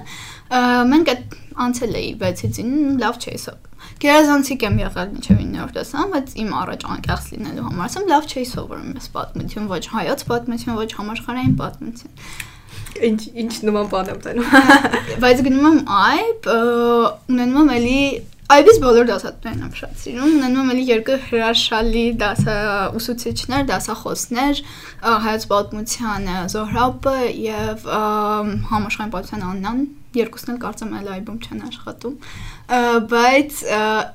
հատկապես համաշխարհային պատմության այդ իրադարձությունները այնքան հետաքրքիր էր ինձ վերլուծել, այսինքն այս պայմանագիրը ինչու կնքված, այս պայմանագրից ինչ հետևանքներ եղան, ու այդ նույն հայոց պատմությունը, երբ որ սկսում ենք Տիգրան Մեծի, չգիտեմ, ժամանակներից կամ ավելի շուտ ու վերլուծում ենք ինչու էր, որ Տիգրան Մեծը ուներ ծովից ծով Հայաստան, մեզ երբեք չէր պահանջվում հիշել որևէ տարեթիվ։ Այդ է ուզում հարցնել, գիտես չէ, մտքումս է։ Ասում էր ամբողջը, եթե դուք վերլուծեք ու դա այդ վերտեղը x-եր դնեք, այդ գրավորը կարող ստանա 100 իմ ամենամեծ խնդիրն էր, գիտես չէ, անուն ու տարեթիվ հիշելը։ Ես ասենք պատմությունները հատկապես ես դասատուն ինչ որ բաներ պատմում, դասատուն կամ դասախոս արդեն քոլեջում, ես ասենք գիտես ոնց է, որ սենց մի հատ բան բզեին, ես կասեի հա այն այն մարդու աղբոր հետ սենց սենց դեպք եղավ, բայց երբեք ոչ իրանց անունն է ոչ տարեթվերը չի կարողում ֆիքսեի նորմալ։ Իմ հիշողությունը լավն է, ուղղակի իմ հիշողությունը չի ֆիքսում բաներ, որոնք ինձ պետք չեն։ Իսկ դրանք ինձ այդ պահին պետք չէին։ Բայց մի բան էլ, որ սկսում ես վերլուծել ավելի լավ ես նույնիսկ հիշում, որտեղ իրար հետևից ես դասավորում արդեն մոտավորապես պատկերացնում ես, օրինակ, այս թվականից այս թվականի արանքումը մոտավորապես հենց գումարում հանում ես։ Ու պատճառահետևանքային կապը երբ որ գիտես, որ ես 45 թվի իրադարձության արդյունքում է եղել 65 թվի իրադարձություն, արդեն կհիշես, որ մեկը մեկից առաջ։ Ու նույնիսկ եթե ինչ-որ իրադարձություն լինի, որ քեզ հարց տան, բայց դու չիմանաս, դաժե լսած չնես երբեք, չէ, իրան կարաս տես ինչ-որ կապես ու հասկանաս տրամաբանական բանով շատ շատ շատ հետաքրքիր էր, որտեվ ես հետո WC-ում սկսում եմ ուսումնասիրել փիլիսոփայություն առարկան, որի համար այս վերլուծությունները չեմ կարող նկարագրեմ ինչքան օգտակար էին իմ համար, ու տենց այբետ շատ-շատ-շատ բան քաղած, այբում նաև սովորում ենք երրորդ լեզու, քոնտրությամբ, իսպաներեն, գերմաներեն ֆրանսերենի միջև, ես մի տարի գերմաներենն եմ ուսումնասիրում, որը էլի մեծ պլյուս էր, ու եթե մնայի միջև վերջ, ինձ թվում է լավ գերմաներեն կիմանայի։ Մի խոսքով էլ շատ կարևոր փորձառություն էր, IB արդեն սկզբից սկսում եմ դիմել UWC, առաջին փուլը UWC ոչինչ չի փոխվել, ասի գիտեմ, հանգիստ կարամ նկարագրեմ, լրացնում ես դիմումը, հայտադիմումը, որի մեծ մասը կարճ հարցեր են եւ վերջում մեկ հատ մեծ հարց է, երկու թեմաներից մեկով կոնտրությամբ գրում ես էսեյ, թեմաները ամեն տարի փոխվում են։ Ասում եմ էսեյ ոչ թե շարադրություն, որտեղ մի քիչ տարբերվում են, էսեյ ասվածը իր մեջ վերլուծական տար ունի, իսկ շարադրությունը ավելի մտքերի շարադրում է գրում ես վերլուծական էսեյ, իմը կապված էր գլոբալիզացիայի հետ, գիտեմ ամբողջ թեման չեմ հիշում։ Հենց դա էր որ գրեցի, խնդրեցի այդ ծանոթիս որ գտել է UWC-ից ստուկի, ինքը իր կարծիքը ասեց օրինակ այս բանի մասին քիչ շատ խոսամ, քիչ-քիչ խոսա անգլերենը սա հաստատ լավացրել, որովհետև ես այդքան լավ անգլերեն չգիտեի ու ես էլ հետո իմ ախպերը իմ հետևից երկու տարի հետո ընդունված, էլի արդեն ավարտել է Իրանն էի ստուկում խորհուրդներ այդ հայտարարումը լրացնելուց հետո մի քանի շաբաթվա մեջ կամ երկու կանչում են երկրորդ հարցազրույց, որը on-line է Այս հարցերի ժամանակ ուղղակի հարցեր են տալիս քո մասին, այսինքն ամեն ինչ որ լրացրել ես, պետքա դու տիրապետես, սուտ բաներ չլրացնես, դա շատ པարզ բան է, բայց հարցնում եմ, որ ասես սովորել, որ անա սովորել, ինչ է սիրում քո թույլ եւ ուժեղ կողմերի մասին խոսամ, ու այս հարցերը ասեմ, դաժե հետագայում մեծ կորպորացիաներ աշխատանքի ընդունվելուց շատ նմանատիպ հարցեր են ձեզ հարցնում։ Պատասխանները բնականաբար փոխվում են, բայց այդ հարցերին պատասխանել իմանալը շատ կարեւոր է, այսինքն դու որպես անհատ տեղյակ ես եւ գիտես քո թույլ եւ ուժեղ կողմերի մասին ու կարող ես վերլուծել, կարող ես պատմել ինչ որ մի իրադարձության մասին, որի ընթացքում դու leadership-ի հատկություններ ես ցուցաբերել, որ ես բնականաբար պատմել եմ Վանավեճի մրցաշարի մասին, ու երկու հոգի են նստած, մեկը կոմիտեից, մեկը նախկին ավարտած ուսանող UWC, իրանք նշումներ են անում այդ քո պատասխանների հիման վրա ու բանը իմը շատ հետաքրքիր դրվագ ա եղել որ այսպես պարզ հիշում եմ ոնց որ դուք օֆիսմանի քննություններ հիշում Ես երևի ամենաշատ սիրած առարկաներից մեկը, չնայած մաթեմատիկա սիրում եմ, բայց երկրաչափությունը, տարածաչափությունը հատկապես չեմ սիրել։ Ու իմ ատեստատում 9-րդ դասարանի, որը նույնպես ուղարկել է UWC, համ ուղարկել է IB 10-ի գնահատականները, ինչքան կար համ ատեստատը, երկրաչափության իմ գնահատականը 10-ը, որը չգիտեմ ոնց էր ստացվել լավ սովորում եմ ամեն ինչպես ասացիած, սիրել չսիրել իմ ներսից է գալիս։ Ու տենց հարցնում են, որ առարկան չես սիրում, ասում եմ երկրաչափություն։ Համ բա ոնց է 10, ուստեղ ես անում եմ արագ իրավիճակում կողմնորոշվելու կարողություն եմ ցուցաբերում։ Ես նույնիսկ երևի չէի հիշում, որ 10 եմ երկրաչափությունը այդ պահին ասելուց, բայց նենց լավ պատասխան եմ ասում, որը այդքան իրականությունը չէր։ Մի քիչ իրականություն էր։ Ասում եմ, որ ես ինչը չեմ սիրում ու իմ մոտ լավ չի ստացվում, ես դրա վրա սկսում եմ ավելի շատ աշխատել որ լավ ստացվի դրա համար որ իմ մոտ երկրաչափությունը վատ է ստացվում ես շատ եմ աշխատել ու տենց դրա համար վերջնական գնահատական 10 ա եղել, որը կիսով չափ էր իրականության մոտ կասեմ, ու այսօր շատ կարևոր հատկանիշ պահի տակ չխառնվել իրար, ասենց չասել, վայ, ոնց ես ասենց բան ասեցի, այլ ասենց արագ տակից դուրս տակից դուրս գալ ասել են շատ լավ արտահայտությունը, որը այնքան է հետո ինձ պետք է եղել տարբեր հարցազրույցներում, այդ որ տենց չխառնես ասես, «Ոյ, ես չգիտեի, չգիտեմ, ինչ որ տենց բան, դրա տակից դուրս եկա եւ ինձ այդ միավորել բերեց իրանց գնահատման մեջ ու վերջին փուլը ամենաբարդ փուլն է, որի համար ես որոշեցի ֆլեքս չգնալ։ Գնում ենք հենց Դիլիջան, Դիլիջանի այդ քոլեջ ու ստեղ էլ մարզից լինելու առավելություններից Դիլջանի քոլեջի փուլ, այսպես ասած, բաժանված է Երևանից ուսանողների ու մարզից, այսինքն քվոտաները տարբեր են, իրանք տարին եթե ընդունում են 20, մոտավորապես ոչ sense հստակ բաշխած, բայց 10-ն ընդունում են Երևանից 10 մարզերից, որպեսզի լինի բաշխվածություն, որովհետև նեղ Երևանի ու մարզերի ուսանողները ունեն հավասար հնարավորություններ, հատկապես ավելի հեռավոր մարզերի ուսանողները։ Ու մի քիչ տարբերում է դա համար իրանք բաժանում են քվոտան, այսպես ասած։ Այսպես ես մարզից լինելով մարզից օրվա մեջ էի Երևանի օրը նախորդ օրներ կամ մի օր հետո ու գնում եմ այնտեղ 3 փուլից հա կարծեմ։ Երրորդ փուլի հարցազրույցը հոգեբանական հարցահերթիկ ենք լրացնում, որ իրենց օգնում է հասկանալ, որ մարդը պատրաստ է մենակ ապրելու, որտեղ UWC ընդունվելը ենթադրում է ապրել ամբողջովին մենակ, եթե բախտդ բերում է Դիլիջանում, եթե ավելի իրանք են էլի որոշում դու ուր ես գնում իդեպ։ Եթե չէ, նաև 10 հոգի գնում է Դիլիջան, 20 ընդունվածից 10-ը տարբեր երկրների այլ UWC մասնաճյուղեր։ mm կա Գերմանիա, Ամերիկա, Աֆրիկյան երկրներ, ասիական երկրներ, հարավամերիկյան ու տենց այդ հարցազրույցներն են իրենց օգնում ասկանց մարդը պատրաստ է երկրից դուրս ապրելու, թե Հայաստանում թե ընդհանրապես պատրաստ չի մենակ ապրել, այսինքն դու կարես ամեն ինչում լավը լինես, ցանկ հասկանում որ դու պատրաստ ես մենակ ապրելու Այնքան մարդիկ են եղել, որ ես մտածել եմ, այս մարդը հաստատ ընդունվելու է իմ ծանոթներից։ Ինչ են ընդունվել, որ երբեք չես հասկանում ինչի համար է այդ եղել։ Իրանք չեն պատճառաբանում։ Այդտեղ մի բան եմ ուզում ասեմ, հետաքրքիր է իրականում։ Ես Ես իակամ չեմ որոշեմ մենակ ապրեմ, մոտ ստացվել է տենց, իրադարձությունները տենց են դասավորվել, ու սենց մտածում եմ էլի, որ այդ ժամանակ ինձ վերլուծեին, ինչի կհանգեն, ես պատրաստ եմ, թե չէ։ Սենց մի հատ կարճ դեպք պատմեմ, գնացել եմ մեր բարեկամներից մեկի տանը, ապրելու ես երբեք մամայցս հեռու չեմ ապրել, էլի։ Գնացել եմ ու բանում եմ Մարտունի գյուղը, գյուղ չէ քաղաք, Մարտունի քաղաք։ Բանը, գնացել եմ այնտեղ, այն Մարտունի մոտի գյուղերից, սենց որ ավելի ճիշտ ձևակերպեմ գնացել մեր բարեկամների տուն ու 5 որոշել որ մի շաբաթ պետք է այնտեղ մնամ։ Երրորդ օրվանից արդեն իմ բանը միանում է մամայիս եմ ուզում, բան մանկական չէ, բայց ասենք չեմ չեմ ձգում էլի, պրոստա էմոցիոնալ բանն ու տենց տուն եմ ուզում ու 4-րդ 5-րդ օրը արդեն հետ եմ գալիս, էլի տենց ասում են, վայ մնա իրել մի քիչ գոնե հազիվ եկել է, ասենք ամբողջ օրը քաղաքում ես էլի, մաքրոտ եւ այլն ու տենց ու հա ինչ եմ հիմա ասում որ օրինակ եթե ժամանակ ինձ վերլուծային հավանաբար ես ոնց որ արդյունքներն այնց է լինելով որ նու ենթադրում եմ բայց ամեն դեպքում որ ես պատրաստ չեմ բայց երբ որ ասենց պատահականության սկզբունքով նայած դասավորված որ ես իրականում սկսեցի մենակ ապրել հենց մենակ ապրելու երևույթը ինձ սկսեց պատրաստել ու կոփել ու բան անել դրան։ Ես լիքը բան դրա մեջ հասկացա, էլի։ Պատրաստ լինել առումով իսկ 100% պատրաստ լինելու մասին չէ, որովհետև երևի ոչ մեկ 16 տարեկանում 100%-ով պատրաստ չեմ մենակ ապրել, բայց UW-ին ես կասեի, որ սենց մինի մենակ ապրել անույնիսկ, որտեվ ճաշանում է քաց ուտում, այսինքն դու քո համար ճաշ չես սարքում։ Երկրորդ կետը քո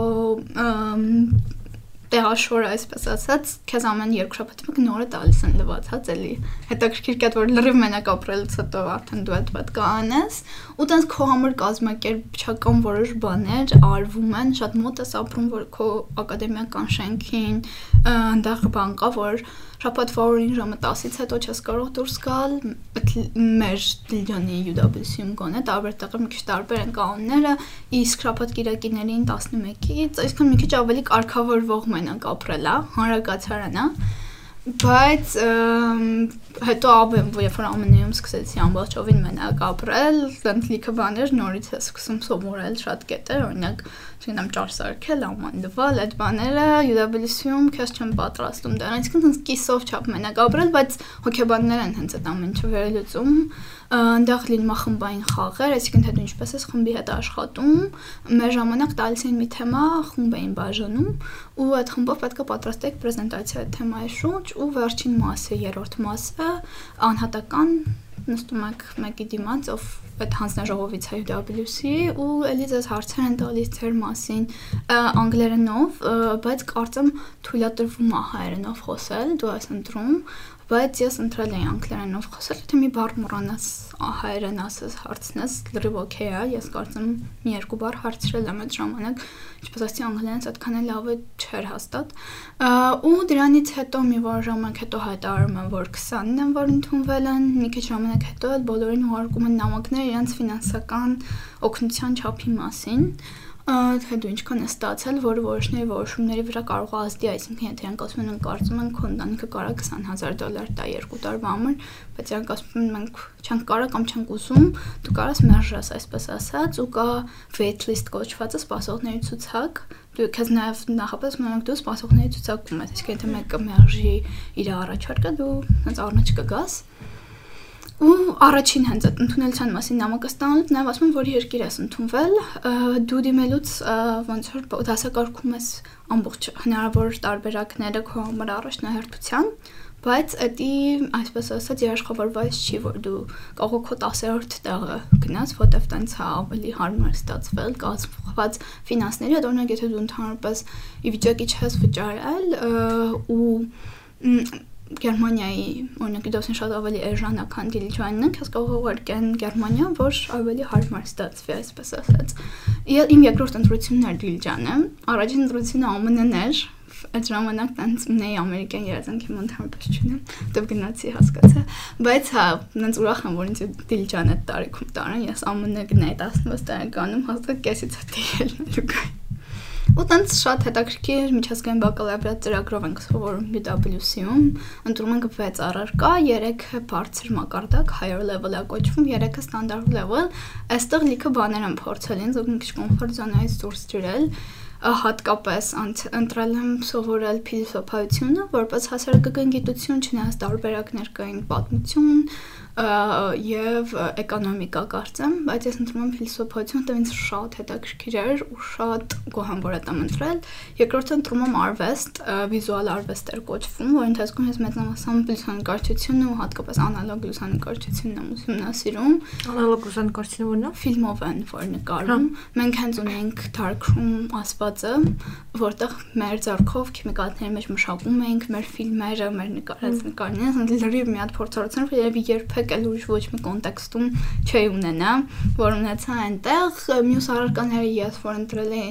ընտրել էի անգլերենը որպես երկրորդ լեզու, կարող ես ընտրել անգլերենը որպես առաջին լեզու, այսինքն անգլերեն գրականություն եւ այլ երկրորդ լեզու, ուղղակի մեր տարին մենակ իսպաներենն էր առաջարկվող տարբերակը, ես չէի ուզում իսպաներեն սովորել ironically մյուս կիսամեկ սովորելու եմ ստիպված բայց հա չի ուզում իսպաներեն սովորել դու անգլերեն որպես երկրորդ լեզու եւ ունենք հնարավորություն հենց միակ Հայաստանի UW-ում հայերենը որպես գրականություն առարկա ուսումնասիրել դա եմ ընդրում, այլ շատ հետաքրքիր է։ Մի բան հարցեմ, էլի որ ասում ես անգլերենը որպես երկրորդ լեզու կարայր ընտրել, այսինքն ուրիշ առաջին ես ընտրել։ Հայերենը։ Հայերենը առաջին լեզու է, առաջին լեզու։ Դեն հայերեն գրականություն էր կոչվում առարկան, ու բավական հետաքրքիր էր, կարծում ենք եւ հայ եւ արտասահմանցի գրողների աշխատանքներ վերլուծում էինք բնականաբար դրան արդյունքում իմ համար բացահայտում եմ Արամ Պաչյան գրողին, իմ ամենասիրած գրողներից է հիմա հայ ժամանակակից նաև ուսումնասիրում են Կաֆկայի թարգմանությունները, շատ հետաքրքիր էր, փիլիսոփայություններ, տենց որ սովորական դպրոցներում հաստատ չես անցնի ու անցնում եմ մաթեմատիկա եւ ֆիզիկա բարձր մակարդակով, որտեղ հիշանք այդ ժամանակ ես ծրագրավորող էի դառնալու ու դրանից հետո ոնց որ UW-ի արդեն քո երրորդ կիսամյակում սկսում ես դիմել համասարաններ այսա շատ կարևոր թե ոնց է UW-ին տալիս հնարավորություն սովորելու արտասահմանում առաջին կետը նա որ միջազգային բակալավրիատ կոչվածը ամբողջ աշխարհում recognized է, այսինքն ամբողջ աշխարհը հասկանում է դա որպես կրթական ծրագիր, որ ամենակարևորն է, քեզ հավելյալ քննություններ պետք չեն մեծամասամբ, քեզ նայում են այնպես, ինչպես կնային կրթական ծրագրի տեսանկյունից, ամերիկացի, անգլիացի, յուրաքանչյուր այլ native speaker-ի, այսինքն թե սխալ եմ հասկանում կրթական ծրագրի տեսանք, այսինքն հայկական էս, չգիտեմ ինչա կոչվում է կրթակ, բոլոնյան կրթական համակարգ Ես բացարձակ հայկական ասկիլտական համակարգը ներդրված է, որը Ռուսաստանում էլ նույնը կարծեմ, անունը չեմ հիշում հստակ։ Դա միջազգային չի, այսինքն ինքը չի ընդունվում։ Միջազգայինը օրինակ Արարատյան Արարատյանը Անգլիայում է միայն ճանաչված, ոչ ԱՄՆ-ում։ Արարատյանը ճանաչվել է, դրա համար այդպես շատ երեխաներ Անգլիա են գնում, բայց որ խնդրեմ կմարավասես ինչ է նշանակում ճանաչված լինել։ Այսինքն, երբ որ քո կրթական համակարգը ճանաչված չի արտասահմանում, դու ինչ որ առումով ունես առավելություն չունես մյուսների նկատմամբ, իսկ այս միջազգային ծրագրերը քեզ առավելություն են տալիս մյուս դիմորդների նկատմամբ, որտեվ իրանք այսպես այս միջազգային կենտրոններ են ամեն տարի ստուգումներ են անցնում, որոնք համապատասխանում են SSS ստանդարտների, այսինքն երբ որ դու ունես դիպլոմ միջազգային բակալավրիատի, այդ IB International Bachelorette կոչվածը, դրսում դու SSS ինչ բաները գիտես, իրանք այդ արդեն հաս ոնց որ դրա մեջ է ներառված։ Իսկ երբ որ դու հայկական կրթական համակարգով ես, ոնց էլ իրանք չգիտեն դու ինչ գիտես, ասպես ասած իրանք չգիտեն այս կրթական համակարգի ինչ է քեզ տալիս ու ինչ մակարդակում է տալիս։ Իսկ կան ինչ որ կենտրոններ կներես, էլի կավաբշե հա։ քայլ կապ չունի, բայց որոնք եթե հարցի հա, պատասխան պրոստ տենց հետաքրքիր է, ինչ որ կենտրոններ, որտեղ կարաս եթե օրինակ դպրոցով չես անցել ու ինքը recognizable չի, դիմես գոնե տենց ստուգեն ու ինչ որ տենց։ Չէ, բայց Հայաստան բավական շատ տեղ էր կամ որ Ատյան բակալավրիատ, միջազգային բակալավրիատ է, Շիրակացու դպրոցն է, Քվանտ դպրոցն է, որ ունեն Արեցյան բակալավրիատ, որոշ այլ դպրոցներ ունեն A levels ասածը, որը էլի միջազգային ճանաչված ծրագիր է, կարծեմ Cambridge-ի դպրոցն է, որ A levels ասով։ Ստեղ կա Cambridge դպրոց։ Հա, Cambridge-ի դպրոց կա։ Գնամ ընդեղի շրջան ավարտել գտնեմ։ Ահա, ես ունեմ կանչներ, վերջում կաս։ ու ընդեղից էլ արդեն նույն լեվելի վրա են, այսինքն միակ տեղը չի UW-ին, որ կարա ստանաս միջազգային բակալավրիատ, որ կարա ստանաս միջազգային կրթություն Հայաստանում, բայց շատ շատ շատ մեծ առավելություն UW-ի Davis Foundation-ի կրթաթոշակների ֆոնդն է, որը յուրաքանչյուր UW-ի ավարտ ոչ թե արցան միջազգային բակալավրիատ, այլ UW-ի ավարտած ուսանողի տալիս է մեծ քանակի ֆինանսական աջակցություն, ինքը ունի համասարանների լիստ, որը 60-ից նույնիսկ 100-ին մոտ համասարաններ են, ում հետ ինքը համագործակցում է, ու եթե դու ընդունվել ես X համասարան, այդ ֆոնդը քեզ տալիս է այս X գումարը, որը կարող լինի 10000 դոլար, 40000 դոլար մի մարդու համար, որ դու սովորես, որտեղ միջազգային համասարան ընդունվելը ուրիշ հարց է, ֆինանսական աջակցություն ստանալը մի հատ լրիվ ուրիշ հարց է, այսինքն համասարաններ կան, որ տալիս են ունեն need based, այսինքն կարիքի վրա հիմնված աջակցության տեսակներ ու տալիս են նույնիսկ ամբողջությամբ, կամ որ տալիս են 10%, 20%, իսկ այն մնացած թիվը, հատկապես Հայաստանի եկամուտ ունեցող ընտանիքի համար անհնարին ինչ որ թիվ է, ու ԱՄՆ-ի առավելությունը դավիսից հետո այն է, որ այդ մեծ գումարը Քազա Davis Foundation տալիս է կոմպոստ կրթության 4-3 քանի տարի որ կլինի տարիների ընթացքում ու այսպես ասած ոչ մենք քեզ հավելյալ պետք չի անել դաստանը, ուղղակի պետք է UW-ին ավարտել։ Այդ շատ կարևոր է, ես ինչի եմ ԱՄՆ-ում սովորում, ոչ թե Եվրոպայում կամ Անգլիայում, որտեղ ընդունվել էին նաև Անգլիայում հավասարաններ, Տուղակի papaից երազանքներ Անգլիայում սովորելը, խնդրեց որ դիմեմ, դիմեցի, բայց չեմ գնալու, որտեղ փող չեն տալու ասես լավ չտվեցին վերջում անգլիան չի տալիս չէ հա գումար անգլիա եթե ուզում ես գնաս սովորելու պետք է պատրաստ լինես տարեկան 40-ից 60 հազար դոլարի կարգի ծախսել 3 տարվա համար անգլիան կրթությունը 3 տարի է բայց ես տան շատ չէ ուզում որտեղ ոնց որ գիտեի որ փող պետք տալ դրա համար իսկ հիմա սովորում եմ ամբողջովին անվճար Վաու ինչքան է քո բարձը Մեր համասյանի հետ ուրեմն ունի կոնտրակտ Davis Foundation-ը ինքը մեզ տալիս է 20000 դոլար, համասյանն էլ իր կողմից իջեցնում է վարձը այնքան որ այդ ամբողջը cover-անի, պլյուս մեզ կախված թե որտեղ ենք ապրում, վերցնում ենք dining hall-ից այդ ճաշանից օգտվելու հնարավորություն թե չէ, ու ինչ դասեր ենք վերցնում որոշ առումով, մեզ տարի կիսամյակը 2-ից 4000 դոլար էլ տալիս են մեզ այսպես կոչված ձեռքի գումար։ Կներես ես չպատկերացրեցի քո եթե դու UW-ից չլինեիր ու այդ Davis-ի հիմնադրամի չլիներ, արժեքը իր ինչքան է կազմում։ Իմ համասանի արժեքը կազմում էր մոտ տարեկան 60-70 հազար դոլար։ Ահա, հիմա դրանից 20000-ը Davis-ը փակում է հիմա համասարանում իմ բարձը իջացնում է ամերիկայում կա այսպիսի բան public, այսինքն պետական համասարանները իրենց նահանգից աշակերտներին ավելի քիչ վարձ են ուզում, քան նահանգից դուրս աշակերտներին, կոչվում է in-state ու out-of-state tuitions։ Մեր վարձը իջացնում են այնքան, ինչքան ֆլորիդացիներն են, այսպես ասած, տալիս։ Այդ ինչքան է դառնում։ 20000 դոլարի կարգի մնալ բանն էլ հետը։ Այսինքն միայն ուսումնառության մասը 10000 դոլար, 10000 էլ մնացածը, այդ 10000-ը փակում իմ ուսումնառությունը, 20000-ն էլ կախված ես որտեղ եմ ապրում, այսինքն ես սկզբի տարիներին երկու տարի ապրել եմ ընդեղի հանրակացարաններում, հիմա արդեն տուն եմ վարձում։ Քո գումարով։ Այդ 10000-ը դրա մեջ է, այսինքն 10000-ից տալիս եմ տանվարձ, ուտելիքի փող, այնտեղ ապահովագրություն, այդ այնտեղ պարտադիրը ունենալ առողջության ապահովություն, այդ բաներն է փակում, ու տակ ինչ մնում է, դրանցից հետո տալիս են ինձ, որ ես ծախսեմ ինչի վրա ուզում ծախսեմ, ավիատոմս օրինակ, կամ տեխնիկա, եթե ինչ պետք է գրքեր։ Ու շատ համասարաններ կան ԱՄՆ-ում, ու top Harvard, օրինակ MIT, միախպարը սովորում եմ Northwestern համալսարանում, University of Pennsylvania, University of Chicago, շատ ավելի top համալսարաններ նույնպես այդ նույն նույն սխեմայով աշխատում են նաև ստանում են ձեռքի գումար, ամեն ինչը փակվում է։ Այդ շատ լավ կողմն է, որոշ մարդիկ ընտրում են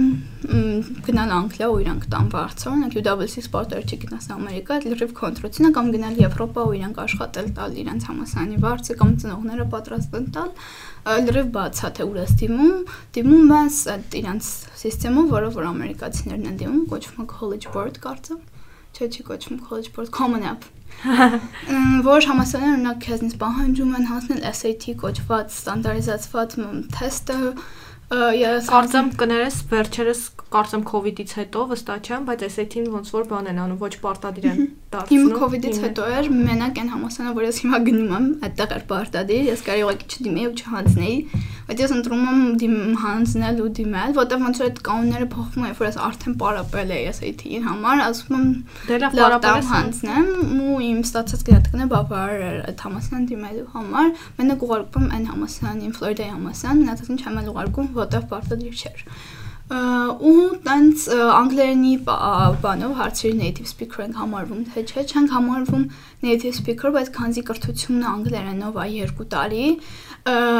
մեծամասնություն համասարանների անգլերենի լեզվի իմացության մասին թեստ հանձնելու անհրաժեշտությունը հանում են մեր համար։ Այսինքն դուք TOEFL չեք հանձնում։ Ահա, ես չեմ հանձնել։ Մի քանի համասարան Duolingo կոչվող թեստ կա անգլերենի, ուզում են Duolingo հանձնել, այդ հանձնել եմ ուղարկել եմ, բայց մեծամասամբ դաժե այդ չեն ուզում, երբ որ դու երկու տարի անգլերենով սովորես, ուղղակի Ադի sense իրանց requirement-ների մեջ հստակ ասված չի, դու պետք է իրանց այդ ընդունելության հանձնարողովին մեյլ գրես, ասես ես այս ինչ մարդ եմ սովորում այստեղ, այս ծրագրով, պետք է ինձ հանձնեն, իրանք ասեն, չէ, ձեր ոնց որ բանը հանում ենք, ասում ես, okay։ Duolingo-ն իդե բանը վերջերս եմ իմացել, որ արդեն համարյա TOEFL-ին հավասարա համասարանների մեջ մասում իրանց թեստը ու շատ հեշտ է ավելի հանձնել, ավելի քիչ ստրես է պահանջվում, ես չեմ պարապել։ Duolingo է հենց հանձնել։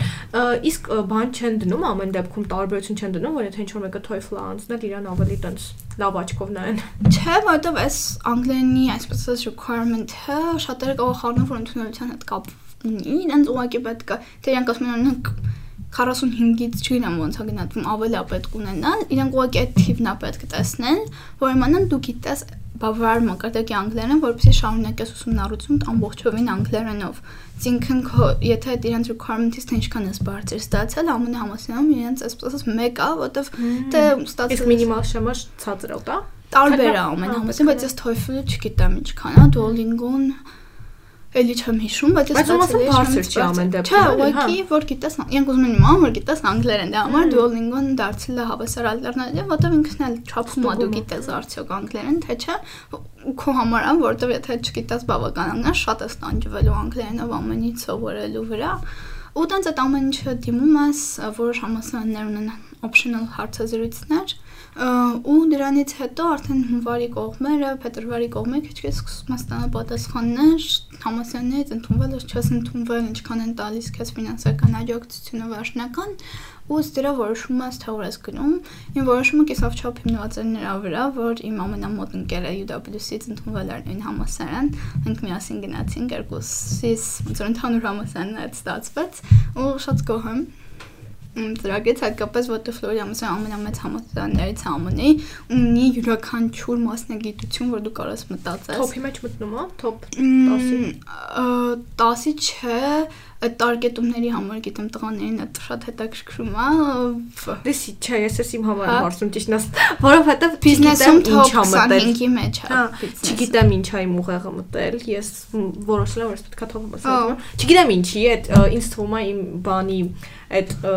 ինքնագնահատականի ու ինքս ինձ ընդունելու բանի հետ կա կապված ինչ որ տենց խնդիրներ են, որը որը իրականում վատ է, որ ասում եմ դուրսից բան անեմ, որտեղ դա չի օգնելու դրան, բայց ինչ որ տենց բզիկա մտել դրա համար։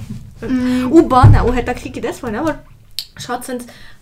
պտիչկայոտ է հնչում, շատ ցենց fake-ա ինքը հնչում։ Ես ես ասում եմ, բայց ես գիտակցում եմ, էլի, այդքան ասենք մտածում ես, հմ, ինքն Harvard, որ սա ասեմ, որ ինքը ընդունել է Harvard, ճոգեր, այդ այդ է։ Ես դրա հակառակն եմ ունեցել, ես չէի ուզում գնալ top համասան, լավ է, ուղղակի բնական է top համասանում կորցան այսպես ճնշումը շատ ավելի մեծ է ու ես ասում եմ ես չունեմ այսպես տարկետման խնդիր ասված է ես ուզում եմ հանգիստ լինեմ ավելի հնարավոր ինձ դա մա շատ համասան հենց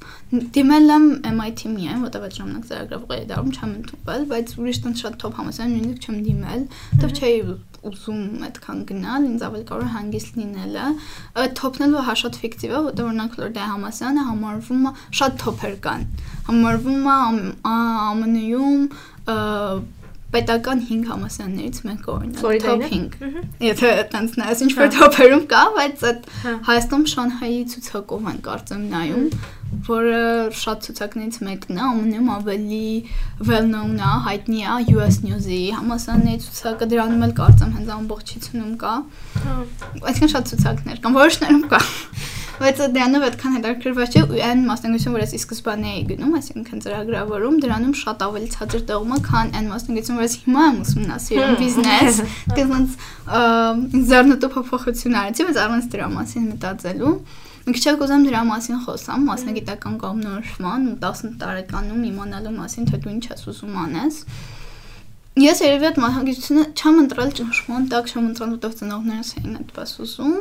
բայց ընտրել եմ որտեղ հասարակություն ամենահայտնին Հայաստանում ինչ որ ծրագրավորի մասնագիտությունը աստվածածված է, որը այդքան էլ աշխարհում տենց աստվածածված չի, ինչքան Հայաստանում, որտեղ երևի Հայաստանի էկոնոմիկայի մեծ մասը գալիս է IT ընկերություններից։ Դրա հիման վրա ընտրել էի ինքնուրույն Թումայում ուսումնասիրել էի պրոյեկտներ, էի արել հատուկ դասընթացներ։ Իսկ ո՞նց էր ընթացքը քեզ դուր գալիս էր։ ասաս ասաս առաջին կիսամյակը գնում եմ ու դրանց հիման վրա ես ունեի պորտֆոլիո նույնիսկ ու ոնց որ գրանցվում ես դասերին դեռ դու ես քո դասեր ընտրում կա հստակ ուղի որ պետք է հետևես այդքան էլ ազատ չի բայց դու ես ունես որոշ կառավարում ընտրում եմ դասերս ու ընտրում եմ բավականին բարդ դասեր անգերազանցիկի սինդրոմի հիման վրա բայց ամենակարևորը ընդդեմ ծրագրավորում մեկ կոչված առարկան, որ սկսում ես ծրագրավորումը 0-ից ուսումնասիրել, ու կա դրա ծրագրավորում երկուսը, որ ոնց որ դրանից հետո պետք է անես մեյլ եմ ստանում արդեն հուլիսի կողմերը մի դասախոսը ասում է որ ես նոր դաս եմ բացել ծրագրավորում մեկն ու երկուսը համախմբվելու եմ իրար միասին մի կիսամյակում դասավանդեմ ու բանը, բայց ինտերվյու պետք է անեմ, որ ես թողամ այս դասը վերցնենք, որ տեսնեմ դուք որտեղ եք ծրագրավորման որտեղ մի քիչ գիտելիք պետք է այս հաղթահարելու համար, իսկ ծրագրավորում մեկի համար 0 կարաս լինես։ Ես ասում եմ, ուզում եմ, ինչի՞ չէ, ավելի բարդ բան է ոնց որ ինտերվյուն են անում, ասում հա դու կարաս վերցնես, վերցնում եմ ահա որ բարդ դասեր բայց չեմ այսպես ասած փոշմանում է դասը վերցնելու համար, որովհետև դες վերցնեի հանձնում եմ վերջում անցնում եմ դասը բան, բայց շատ շատ շատ ազդու իմ հոգեվիճակի վրա, որտեվ շատ-շատ բարդ էր իմ համար այդ դասը։ Մյուս դասերս էլ էին բարդ, բայց էլ աչքից չէին երևում,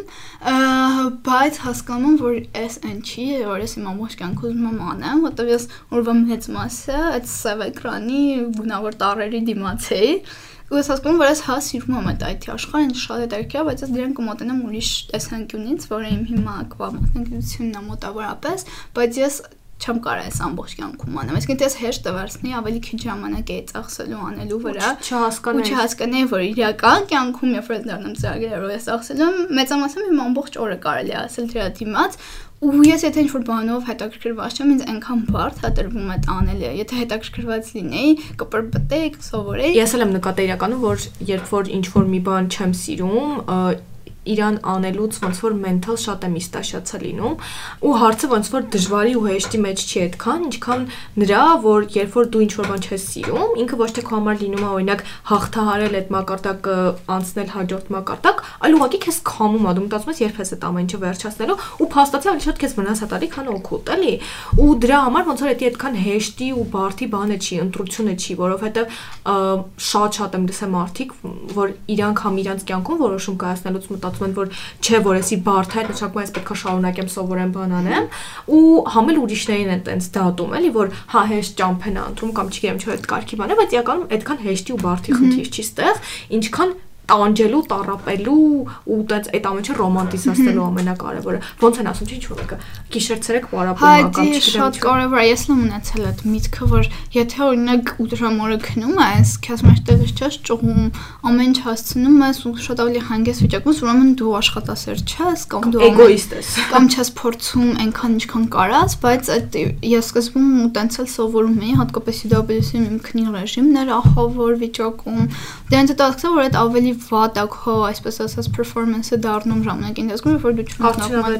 արդյունավետություն, որ չունես նորմալ ուտելու ռեժիմ ու քիչ-քիչ սկսեցի ավելացնել նորմալ քնի ռեժիմի մառորյամ։ Իհարկե որոշ օր կլինեմ, որ իրոք քնությունն է, ու պետք է մի քիչ երկար պարպես ու քնես 5 ժամ, բայց այդ հազվադեպ ոչինչ, բայց երբ այդ սարքում է սովորություն, ես օրինակ այս վերջերս ինձ մեղավոր էի զգում քնելու համար, լուրջ եմ ասում, որտեղ ում հետ խոսում էի, հատկապես մարդիկ ովքեր ինչ-որ բաներ էին անում, իրանք ասում էին, իրանք 4 ժամ են քնում, ու ես ինձ մտածում եի, նու ես հասկանում եմ, որ այդ նորմալ չի, բայց զուգահեռ մեղավոր ես քեզ սկսում զգալ, որ դու ասենք չեմ այդքան քնի վրա ես ծախսում, որտեղ բոլորը իրենց քնի հաշվին դիքը բան են անում, ու դու մտածում ես, կարող ես էլ տենց պետք է անեմ։ Այս սկսել եմ 7-ից 7-ից 8 ժամյա քունը մեկը կարևոր է, երկրորդը սպորտի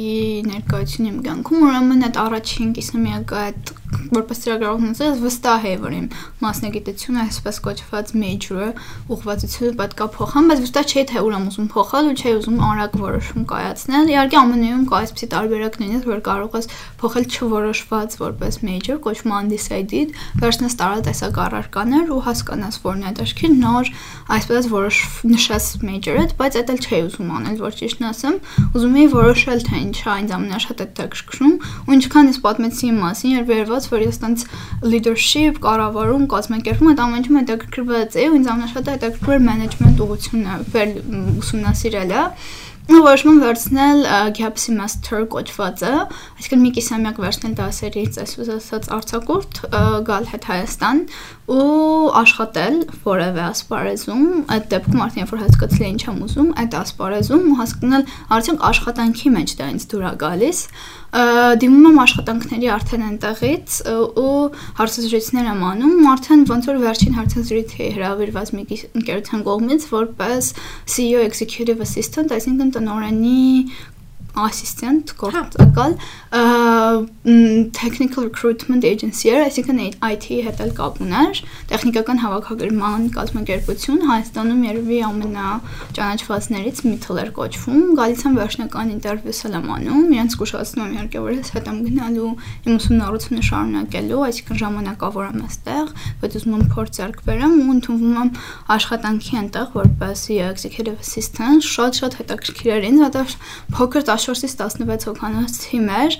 Ես անմիջական աշխատում էի տնօրենի հետ, կազմակերպում էի իր գրաֆիկը, բայց բացի այդ, այսինքն ինչ որ մենք անում ենք այն էր, որ տարբեր IT կազմակերպությունների համար մեծամասամբ հայկական գտնում ենք կադրեր, հատկապես C-level-ի, senior level-ի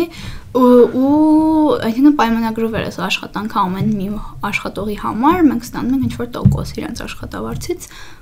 կազմակերպության կողմից Մենք ունեինք, չէ, որպես կազմակերպություն էինք այդպես ստանում, այսինքն կատրաստում էի պայմանագրերը բոլոր, մեր հաշվապահությունը outsource էր, հաշվապահի հետ էի աշխատում, շատ է տարբեր բաներ անում ենք իվենտներ էին կազմակերպում, այդ իվենտների կազմակերպումը մեծ տիկերներ սարքել, տպել իվենտի բանյարը, բայց մյուս կողմից էլ հաշվապահության ցուցակները ում փողն ենք ստացել, ում փողը չենք ստացել, ցած ինչ որ հավես բաներ է անում, շատ-շատ հետաքրքրեց դա։ Դրա համար որոշեցի, որ լավ եմ մտածել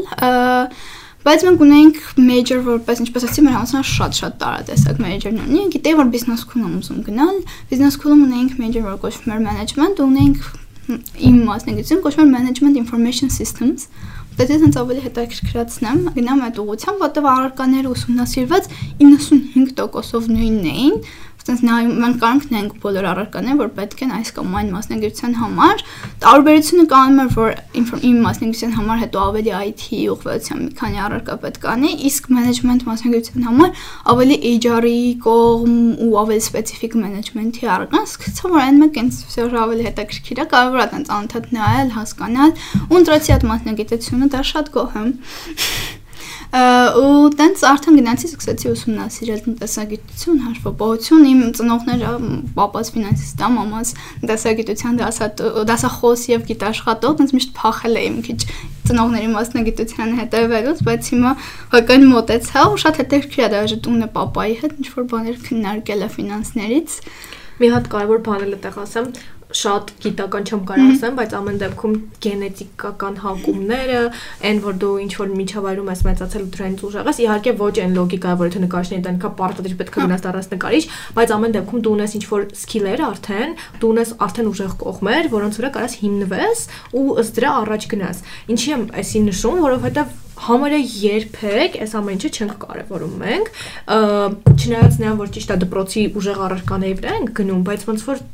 Էդ էլ այդքան 100%-անոց չի արտացնում, որովհետև մենք ուժեղ ենք նրանից, ում դասը սիրում ենք, կամ ուժեղ չենք նրանից, ում դասը չենք սիրում, ու էդ էլ ցույց չի տալիս իրական մեր պատկերը։ Այս ինչ եմ նշում, որովհետև ես մասնագիտություն ընտրելուց չեմ մտածել ինչի՞ց են իմ ծնողները ուժեղ, ինչին եմ ես հակված փոքրուց եւ այլն եւ այլն, ու այդ բերան է որ մի հատ ինձնից հերվոտ մասնագետ, նո մոտիկ էր, էլի ինչ որ չափով ինքը ես ինքը տեղ գտավ իմ կյանքում, բայց ամեն դեպքում չէի բան արել, բաբշե չէի հիմնվել դրա վրա, էլի։ Ու հիմա քիչ-քիչ որ ես էլ փորձում եմ բան անեմ, համ ինձ եմ անալիզ անում, համ մերոնց եմ անալիզ անում, ինչս են իմ ուժեղ եղել։ Ու սենց քիչ-քիչ փորձում եմ այդ ամեն ինչի ինչ որ մի բանը գտնեմ։ Ես էլ երբեք չեմ դադալ, դաժան ինչպես ասեմ, քիչ փախել եմ տնեցիքի մասնագիտությունը անելուց։ Մամաս որ փոքր էր, առաջի երկրորդ երրորդ դասան աշխատում էր մասնագիտական տասագիտական քոլեջում, ինչ միացնում ու տենց որ ինքը գործի էր, ես դասերս վերջացնում եմ, դեռ շուտ ենք վերջացնում 12-ին, չգիտեմ ցերեկը։ Իրա ուսանողները գալիս են դպրոցից վերցնում վերցնում էին, տանում էին, նստում էին խելոք դասերին, մինչև ինքը վերջացներ, ոնց ենթագիտակցությունից մեջ դեռ ինչ որ բաներ հիշում էի իր դասավանդասագիտությունից, հետո որ ես անցնում էի համասան դասագիտություն, հետաքրքիր էր հավեսը հիմա Ֆրեդ Գոհամյանն ինչ որ ընտրել եմ ու այդ ուժեղ առարկաներ։ Մոնիկ ես երբ որ ուժեղ էի մաթեմատիկայից, ես մտածում եմ, թե ես ուժեղ եմ մաթեմատիկայից, պետք է դառնամ ծրագրավորող։ Չեմ մտածում, որ օրինակ ֆինանսների համար էլ լավ մաթեմատիկապես, օրինակ որ լավ ուժեղ եմ մաթեմատիկայից, կարող եմ դառնալ ֆինանսիստ ու տեղ կիրառեմ այդ գիտելիքները։ Դպրոցի խնդիրն է մեր դպրոցի ու նաև հասարակության պատկերացումների, որ կոնկրետ առարկաներ հետ կոնկրետ բաներ են կապում։ Անցած մեր հաղորդումն էլ, նո անցածներից մեկը բանը ֆիզմատ դպրոցը ավարտած երեխեքից մեկի մասն է, որ աստղագիտությամբ է որոշել խորանա, բայց ասենք ով է մեզ ասում, որ չգիտեմ ֆիզիկայից կամ մաթեմատիկայից ուժեղ լինելու դեպքում աստղագիտություն կարաս դու ընտրես, չէ՞, ոչ ոչ մեկ մեզ այդ ինֆորմացիան չի տալիս։ Ինչու՞ իմ ախպերը օրինակ նույն ընտանիքից ընտրել է ծրագրավորման ուղին ու շատ գոհար, շատ շատ հետաքրքրված է ու մի հատ բան հիշեցի իր մասին խոսելուց, ինքը աշխատում էր ծրագրավորող որպես, երբ որ ես 16 տարեկան ինքը 16, 15, 14 նույնիսկ տարեկան էր, ինքնուրույն էլի թումայից սկսել էր, ինքնուրույն բրբտել էր, որ ես չէի բրբտել, դա իմ ամուր նշան պետք է լիներ, որ դա չի, ու աշխատում էր, այդ ժամանակ ես դեռ չէի աշխատում, ես սկսել եմ 18-ից աշխատել, այսինքն այդ ժամանակ եւի 17-ը ինքը 15, ու իմ համարն այնց բան է, որ իմ աղբերը աշխատում է, ես չեմ աշխատում, ոնց կլինի տենց, ու 18 տարեկանից սկսեցի աշխատել ու համարյա մի անգամից ոչ թե ես ֆինանսապես անկախ եմ ուզում լինել, հատկաց որ համասանի վարձի հարցը չկար, որը մեծ ծախս է, տնեցիքի հետ ապրում էի, այդ ամառն եմ սկսել, այսինքն օգոստոսին գնալու էի համասարան, ուտելիք բանը կարելի ասել մեջը ներգրավված էր ու իմ աշխատավարձը աշխատում էի on-line ծրագրում որպես customer support, հիշում Եվան էլ էր հյուր, Եվան իմ մենեջերն է եղել։ Ահա, լուրջ։ Հա, ինքն էլ էր խոսում դրանից հիշում եմ աշխատում էի այդ on-line app-ում, հավես էր շատ, անգլերենով էի բնականաբար անում, անգլերենս էլ եկա բացվեց ու տեղից եմ սկսել հոգեն լավ աշխատավարձ Հայաստանում, հետո ինչպես նստի Կարող ասես ինչքան եթե օքեյ է Կախ այնտեղ շիֆտերով էր աշխատանքը, երկու ժամանոց շիֆտեր էին, երկու ժամանոց շիֆտը 5-ից 6 դոլար էր, բայց երբ որ անում էիր մեծ քանակի շիֆտեր, ես հատկապես շաբաթ օրին շատ իսկ ամառն էլի պարապոտ էի, շատ էի աշխատում, ամիսը կարայի 600-ից 700 դոլար աշխատեի, 500-ից 600, որը երբ որ տանֆաշ չէի տալիս, ուտելիք չէի տալիս, կրթության փող չէի տալիս, լավ թաթալ գումար էր։ ու քանզի գիտեի որ գնալու եմ համասարանում էլ ստանամ կրթաթոշակ, ոնց որից որ ֆինանսապես ուզում եմ անկախանամ ծնողներից, որը ոնց լիքը ավստահություն է քեզ տալիս, կենսագերպիտ առումով էլ է սկսում ենթագիտակցաբար ավելի անկախանալ ու տենց այդ ժամանակից մինչև հիմա ֆինանսապես արդեն անկախ եմ, երբ որ գնացի համասարան երկրորդ կիսամյակից սկսեցի նաև երբ որ գնում ես համասարան, դու ստանում ես F1 կոչվող ուսանողական վիզան ԱՄՆ-ի դեպքում ու դրա շրջաններում կարող ես աշխատել շաբաթական մաքսիմում 20 ժամ ու պետք է լինի համասարանի ներսում աշխատանք Ես հիմա ելի համասարանում նույն աշխատանքը ինձ սկսել եմ այդ ժամանակ աշխատում եմ, ժամը այնտեղ վճարում են 12 դոլար, շաբաթական միշտ 20 չեմ աշխատում, ըստ զբաղվածության, դա էլ տենց այդ կրթակողքից ձեռքի փող տալիս են, դա էլ է գումարվում։ Արդեն լրիվ օքեյ է ամեն հարցում ինքս ինձ ապահովելու հարցում, երբ որ գալիս եմ արձակուրդներին տուն, ալի ապրում եմ տնեցիքի հետ ու ավելի հարմար է այդ հարցնել, որի օրի մախբերին շուտ էր սկսել իր փողը աշխատած մի ոնց ես մեծն եմ Մենք բայց շատ շուտ ես սկսեցի աշխատել։ Ու ինքը ծրագրավորում եմ իրան կարում էր 14-15 տարեկանում աշխատել իր գումարը, դա իմ համար վաու էր ինքը տենց իր մասին շատ չխոսեմ, ես իր առանց թերացեմ, բայց ինքն էլ բավական դեմ էր ֆորմալ ակադեմիական կրթության գաղափարին, բայց քանզի մեր հաջորդ անունը ասապարտ։ Տանիկով գալիս։ Քանզի ինքը ուներ այդ բանակի խնդիր կոչվածը պետք է ստանար տարկետում կամ պետք է գնար բանակ 2 տարի ծառայեր ու չէր ուզում կրթությունից ոնց որ break վերցնել, ինքն սովորել է UWC, որ տենց Ոստը որոշած այլ տիպված էր գնալ համասարան, ինքը ընդունված արխայ top 10 երևի համասարաններից մեկը Northwestern-ի համասարանը, ծրագրավորում բնականաբար։ Հիմա սովորում ա, բայց հետաքրքիր վայր ընտանիքի առումով որ ասում էր, ինքն ահա որ հետաքրքրված է նաև business, investing այդ ուղությամբ ու վերցնում ա որպես minor այդ ինչ որ entrepreneurship կոչվող կարծեմ, ու տենց մեջը կա մեկը Ինքն էլ համել այդ ուղությունն է ուսումնասիրում ու իր մոտ օրինակ շատ լավ ստացվում է ինքը բայլում է այդ ընթացքը աշխատել ու տենց երկու ընտանիք նույն ընտանիքից երկու տարբեր տեսակի շատ տարբեր տեսակի մարդիկ են ստացվել եւ hard skill-երի եւ soft skill-երի տեսանկյունից Ու հա համասարանում արդեն երրորդ կուրս եմ, հետաքրքիր բան, ամենուր երբ որ սովորում ենք, մեծամասնություն համասարանի տալիս են նավություն մեկ կիսամյակ սովորել արտերկրում, կոչվում է study abroad։ Իմ դեպքի մասին ունենա կարամ խոսում, որտեղ տեղյակ չեմ մնացել, բայց մեծամասնության պետք է որ նույնը լինի, նույն scholarship-ը ֆինանսավորում է նաև դա, այսինքն էլի նույն ձև ոչ մի գումար դու չես վճարում դրա համար, այլ վճարվում է քո կրթաթոշակի կողմից ես գնալու եմ Մադրիդ, Իսպանիա, շատ ողջավորված եմ այդ առումով, որտեղ իսպանական մշակույթը ինչքան ճամփորդել եմ, շատ հավանել եմ, ուզում եմ նաև բացահայտեմ որպես տեղացի ապրողի տեսանկյունից, սրա մասին մի բան, որ ԱՄՆ-ն այդ ԱՄՆ-ի երազանք կոչված է շատերի մոտ կա, որտեղ կամ տեսնում են կինոներում ու չգիտեմ Instagram-ում, սոցցանցում կամ տեսնում են որպես սպասաշրջիկ, բայց որպես լոկալ դրա մեջ ապրելը պետք է ապրես, որ իմանաս դու այդ սիրում ես թե չէ, որովհետեւ որոշ մարդիկ հաստատ սիրելու են, այն մարդիկ, ովքեր նախընտրում են շատ աշխատել, այսինքն այս արտահայտությունը կարող շատ եմ սիրում օգտագործել work for living or live for working։ Այն մարդիկ who live for working, որ նշանակում ապրել աշխատելու համար, իրանք հաստատ ԱՄՆ-ն կվայելեն, որտեղ ԱՄՆ-ն անծայրածիր հնարավորությունների երկիր է, ու եթե դու պատրաստ ես առավոտ 7-ից երեկոյան 8-ը անդադ աշխատել, այդ աշխատանքում ամբողջությամբ տարված լինել ու անդադ այդ corporate ladder կոչվածը կա, այսինքն անդադ բարձրանալ այդ աշճաններով, պաշտոններ, նոր աշխատանքներ, այդ ամեն ինչն է, ինչի մասին դու ուզում ես քո կյանքը դարձնել, հաստատ սիրելու եք, հաստատ ուրախանցնելու, բայց ես ավելի շատ որը ապրելու ընթացքում ասեմ, մարդը ով ուզում է աշխատի ապրելու համար, այսինքն իմ համար աշխատանքը միջոց է ապրելու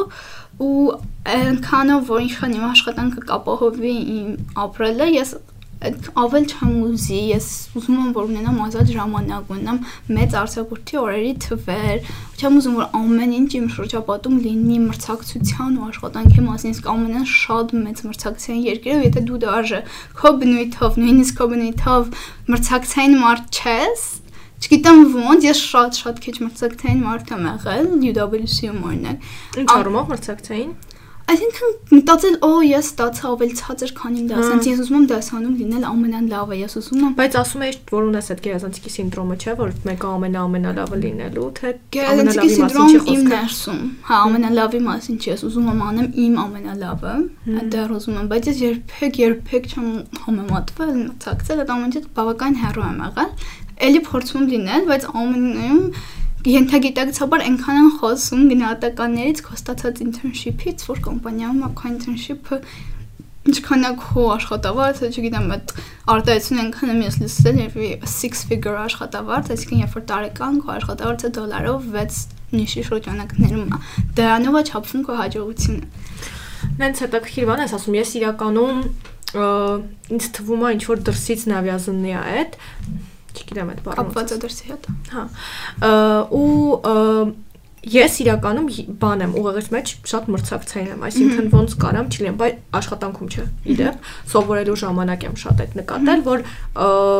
պետքա ոնց որ ոնց կարաս դու բան անես, ոնց որ իմ ինքնա գնահատականներ դրա հետ կապված լինի, էլի ավելի բարձր գնահատական ստանալու կամ բանի, բայց ես ինձ կյանքի ընթացքում բացահայտել եմ, որ ես էլ եմ ուզում ոնց որ որ աշխատանքը լինի միջոց ընդհանրապես ես չեմ ուզում իմ սաղ կյանքը ու իմ նպատակները կապված լինեն գործի հետ որովհետև ես դրանից բավարարվածություն չեմ ստանում ես դրա մեջ մահանում եմ պրոստը էլի դրա համար ոնց որ ես էլ երևի American person չեմ այդ դեպքում sense մի հատ հարց եթե դու ամերիկյան այդ կուլտուրային բան չես ամեն դեպքում այնտեղ սովորել է քեզ ինչ որ բան ինչ որ բան բնականաբար կտա, բայց ամեն դեպքում ընտրես այնտեղ սովորելը, թե չէ, ու ինչ կտա քեզ այնտեղ սովորելը։ Հենց դրա մասին շատ կուզեի խոսել։ ԱՄՆ-ում կրթության առումով ես կասեի, որ մրցակցությունից դուրս է մյուս երկրների հետ համատած, որովհետև կրթության մակարդակը գումարած հնարավորությունների մակարդակը կրթությունից հետո շատ բարձր մակարդակի վրա են ոչ Եվրոպայում, ոչ Անգլիայում նույնիսկ ես կասեի, դիպլոմը այնքան քաշ, այսպես ասած, չունի, ինչքան ԱՄՆ-ը մի քիչ լավ համասանի, համասանը բիզնես այդ ոլորտում հոգան ճանաչված է համասանը, ասեմ ինչի, նախ մեր համասան են գալիս աշխարհի բոլոր աշխարհի ԱՄՆ-ի հատկապես մեծ կազմակերպությունները գալիս են recruitment նպատակներով, այսինքն համասարից աշխատողներ գտնելու նպատակներով ԱՄՆ-ում շատ տարածված է internship-երի, որը պրակտիկա է թարգմանվում հայերեն, բայց բնույթով նույնը չի, դրա համար կդժվարանամ թարգմանել internship-երի մշակույթը։ Այսինքն դու քո երկրորդ կամ երրորդ տարուց հետո պետք է կասեմ, մի քիչ կարող է պետքան շատ պարտադրող հնչի, բայց շատ-շատ ցանկալի է որ անես քո մասնագիտական internship կոչվածը համասաները գալիս են ներկայացնում են իրենց հնարավոր կամպանիա համա կամպանիաները գալիս են ներկայացնում են իրենց հնարավորությունները, ինչ ծրագրեր ունեն, ինչ մասնագիտությունների համար ունեն իրանք հնարավորություններ, լիքը տենց պրեզենտացիաներ են լինում, որը կարող ես գտնել քո համասանի կոնկրետ դպրոցի կայքում, այսինքն բիզնես դպրոցի կայքում էր դեպքում լիքը մեյլեր են ստանում դրա մասին։ Հենց իմ օրինակը պատմեմ, Goldman Sachs-ը ԱՄՆ-ի ամենամեծ investment բանկերից է, ներդրումային բանկերից է, ու իմ դեռ որ ոնց որ փոխեցի major-ս, առաջին կիսամյակն էր, որ այդ major-ով էի սովորում, ու ինձ մի քիչ թվում էր, որ ես հետ եմ ընկել ուղուց, որտեղ մի կիսամյակ ուրիշ major-ով եմ սովորել տենց անընդհատ փորձում եմ ինչքան բան կա դրա հետ կապված գնալ ու Goldman Sachs-ում ներ պրեզենտացիա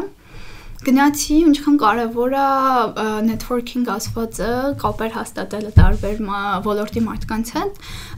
Իրանց recruiter-ներ, այսինքն կադրեր հավաքագրողներ ներկայացնում կազմակերպությունը, ես մոտեցած եմ, այսի ես այս ինչ մարդն եմ, ունեցել եմ ուրիշ մասնագիտություն փոխել եմ, շատ հետաքրքրված եմ ձեր բանկում աշխատելով, հնարավորություններով, խնդրեցի, որ LinkedIn-ում իրար միանանք, connection ունենանք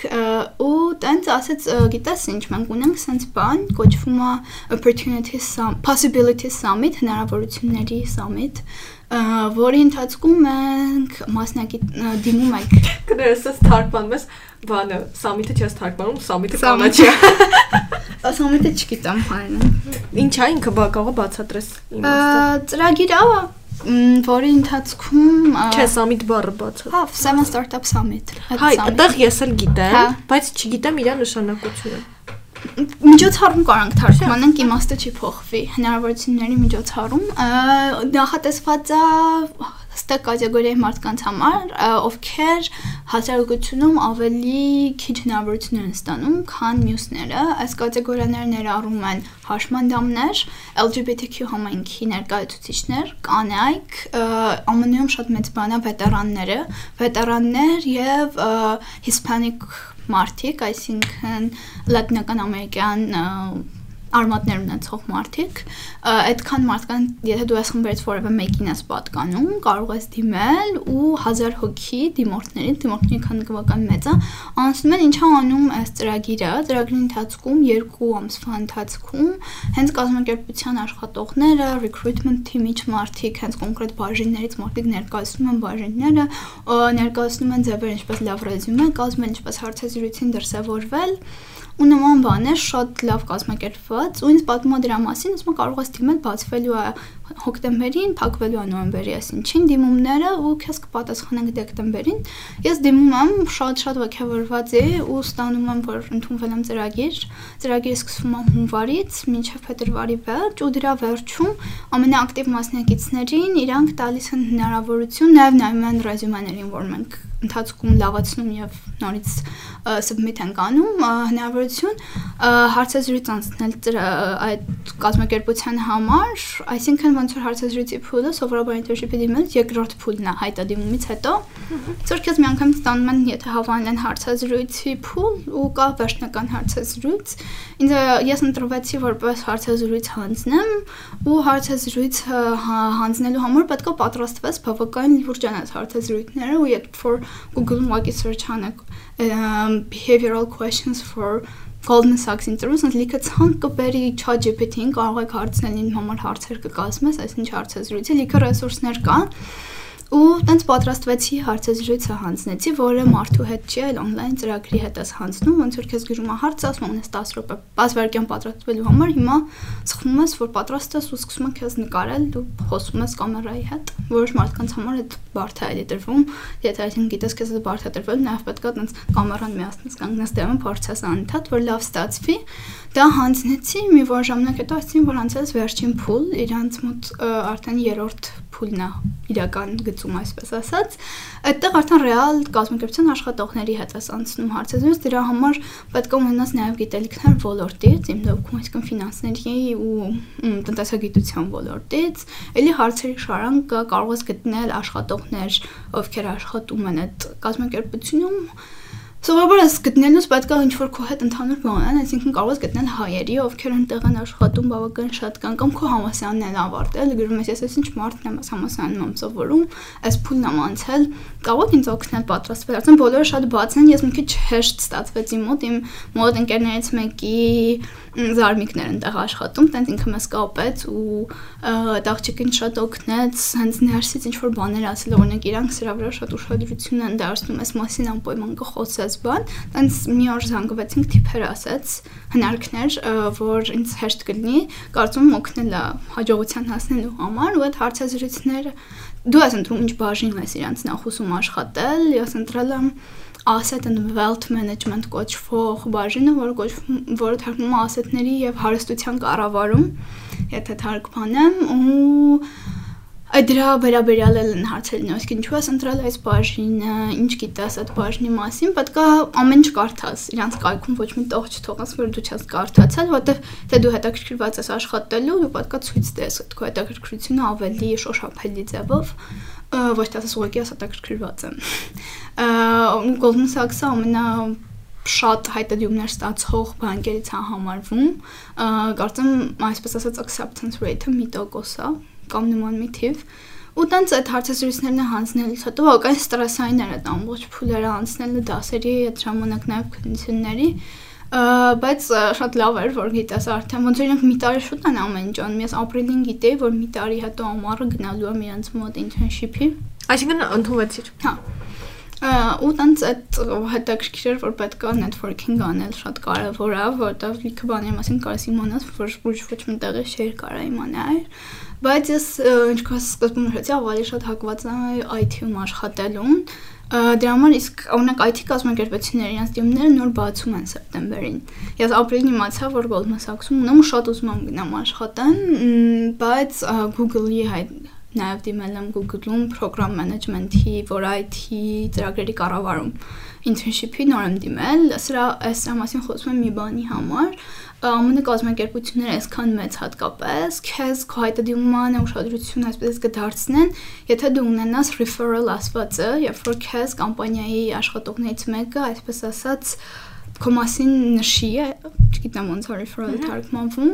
ու տենց ես սկսեցի փնտրել ինչ որ մեկին հավ աշխատում, հայ ինչ որ մեկին, իմ նպատակը հայ մեկին գտնելն էր, որտեղ հայերը հասկանում են ինչքան դժվար է որպես միջազգային ուսանող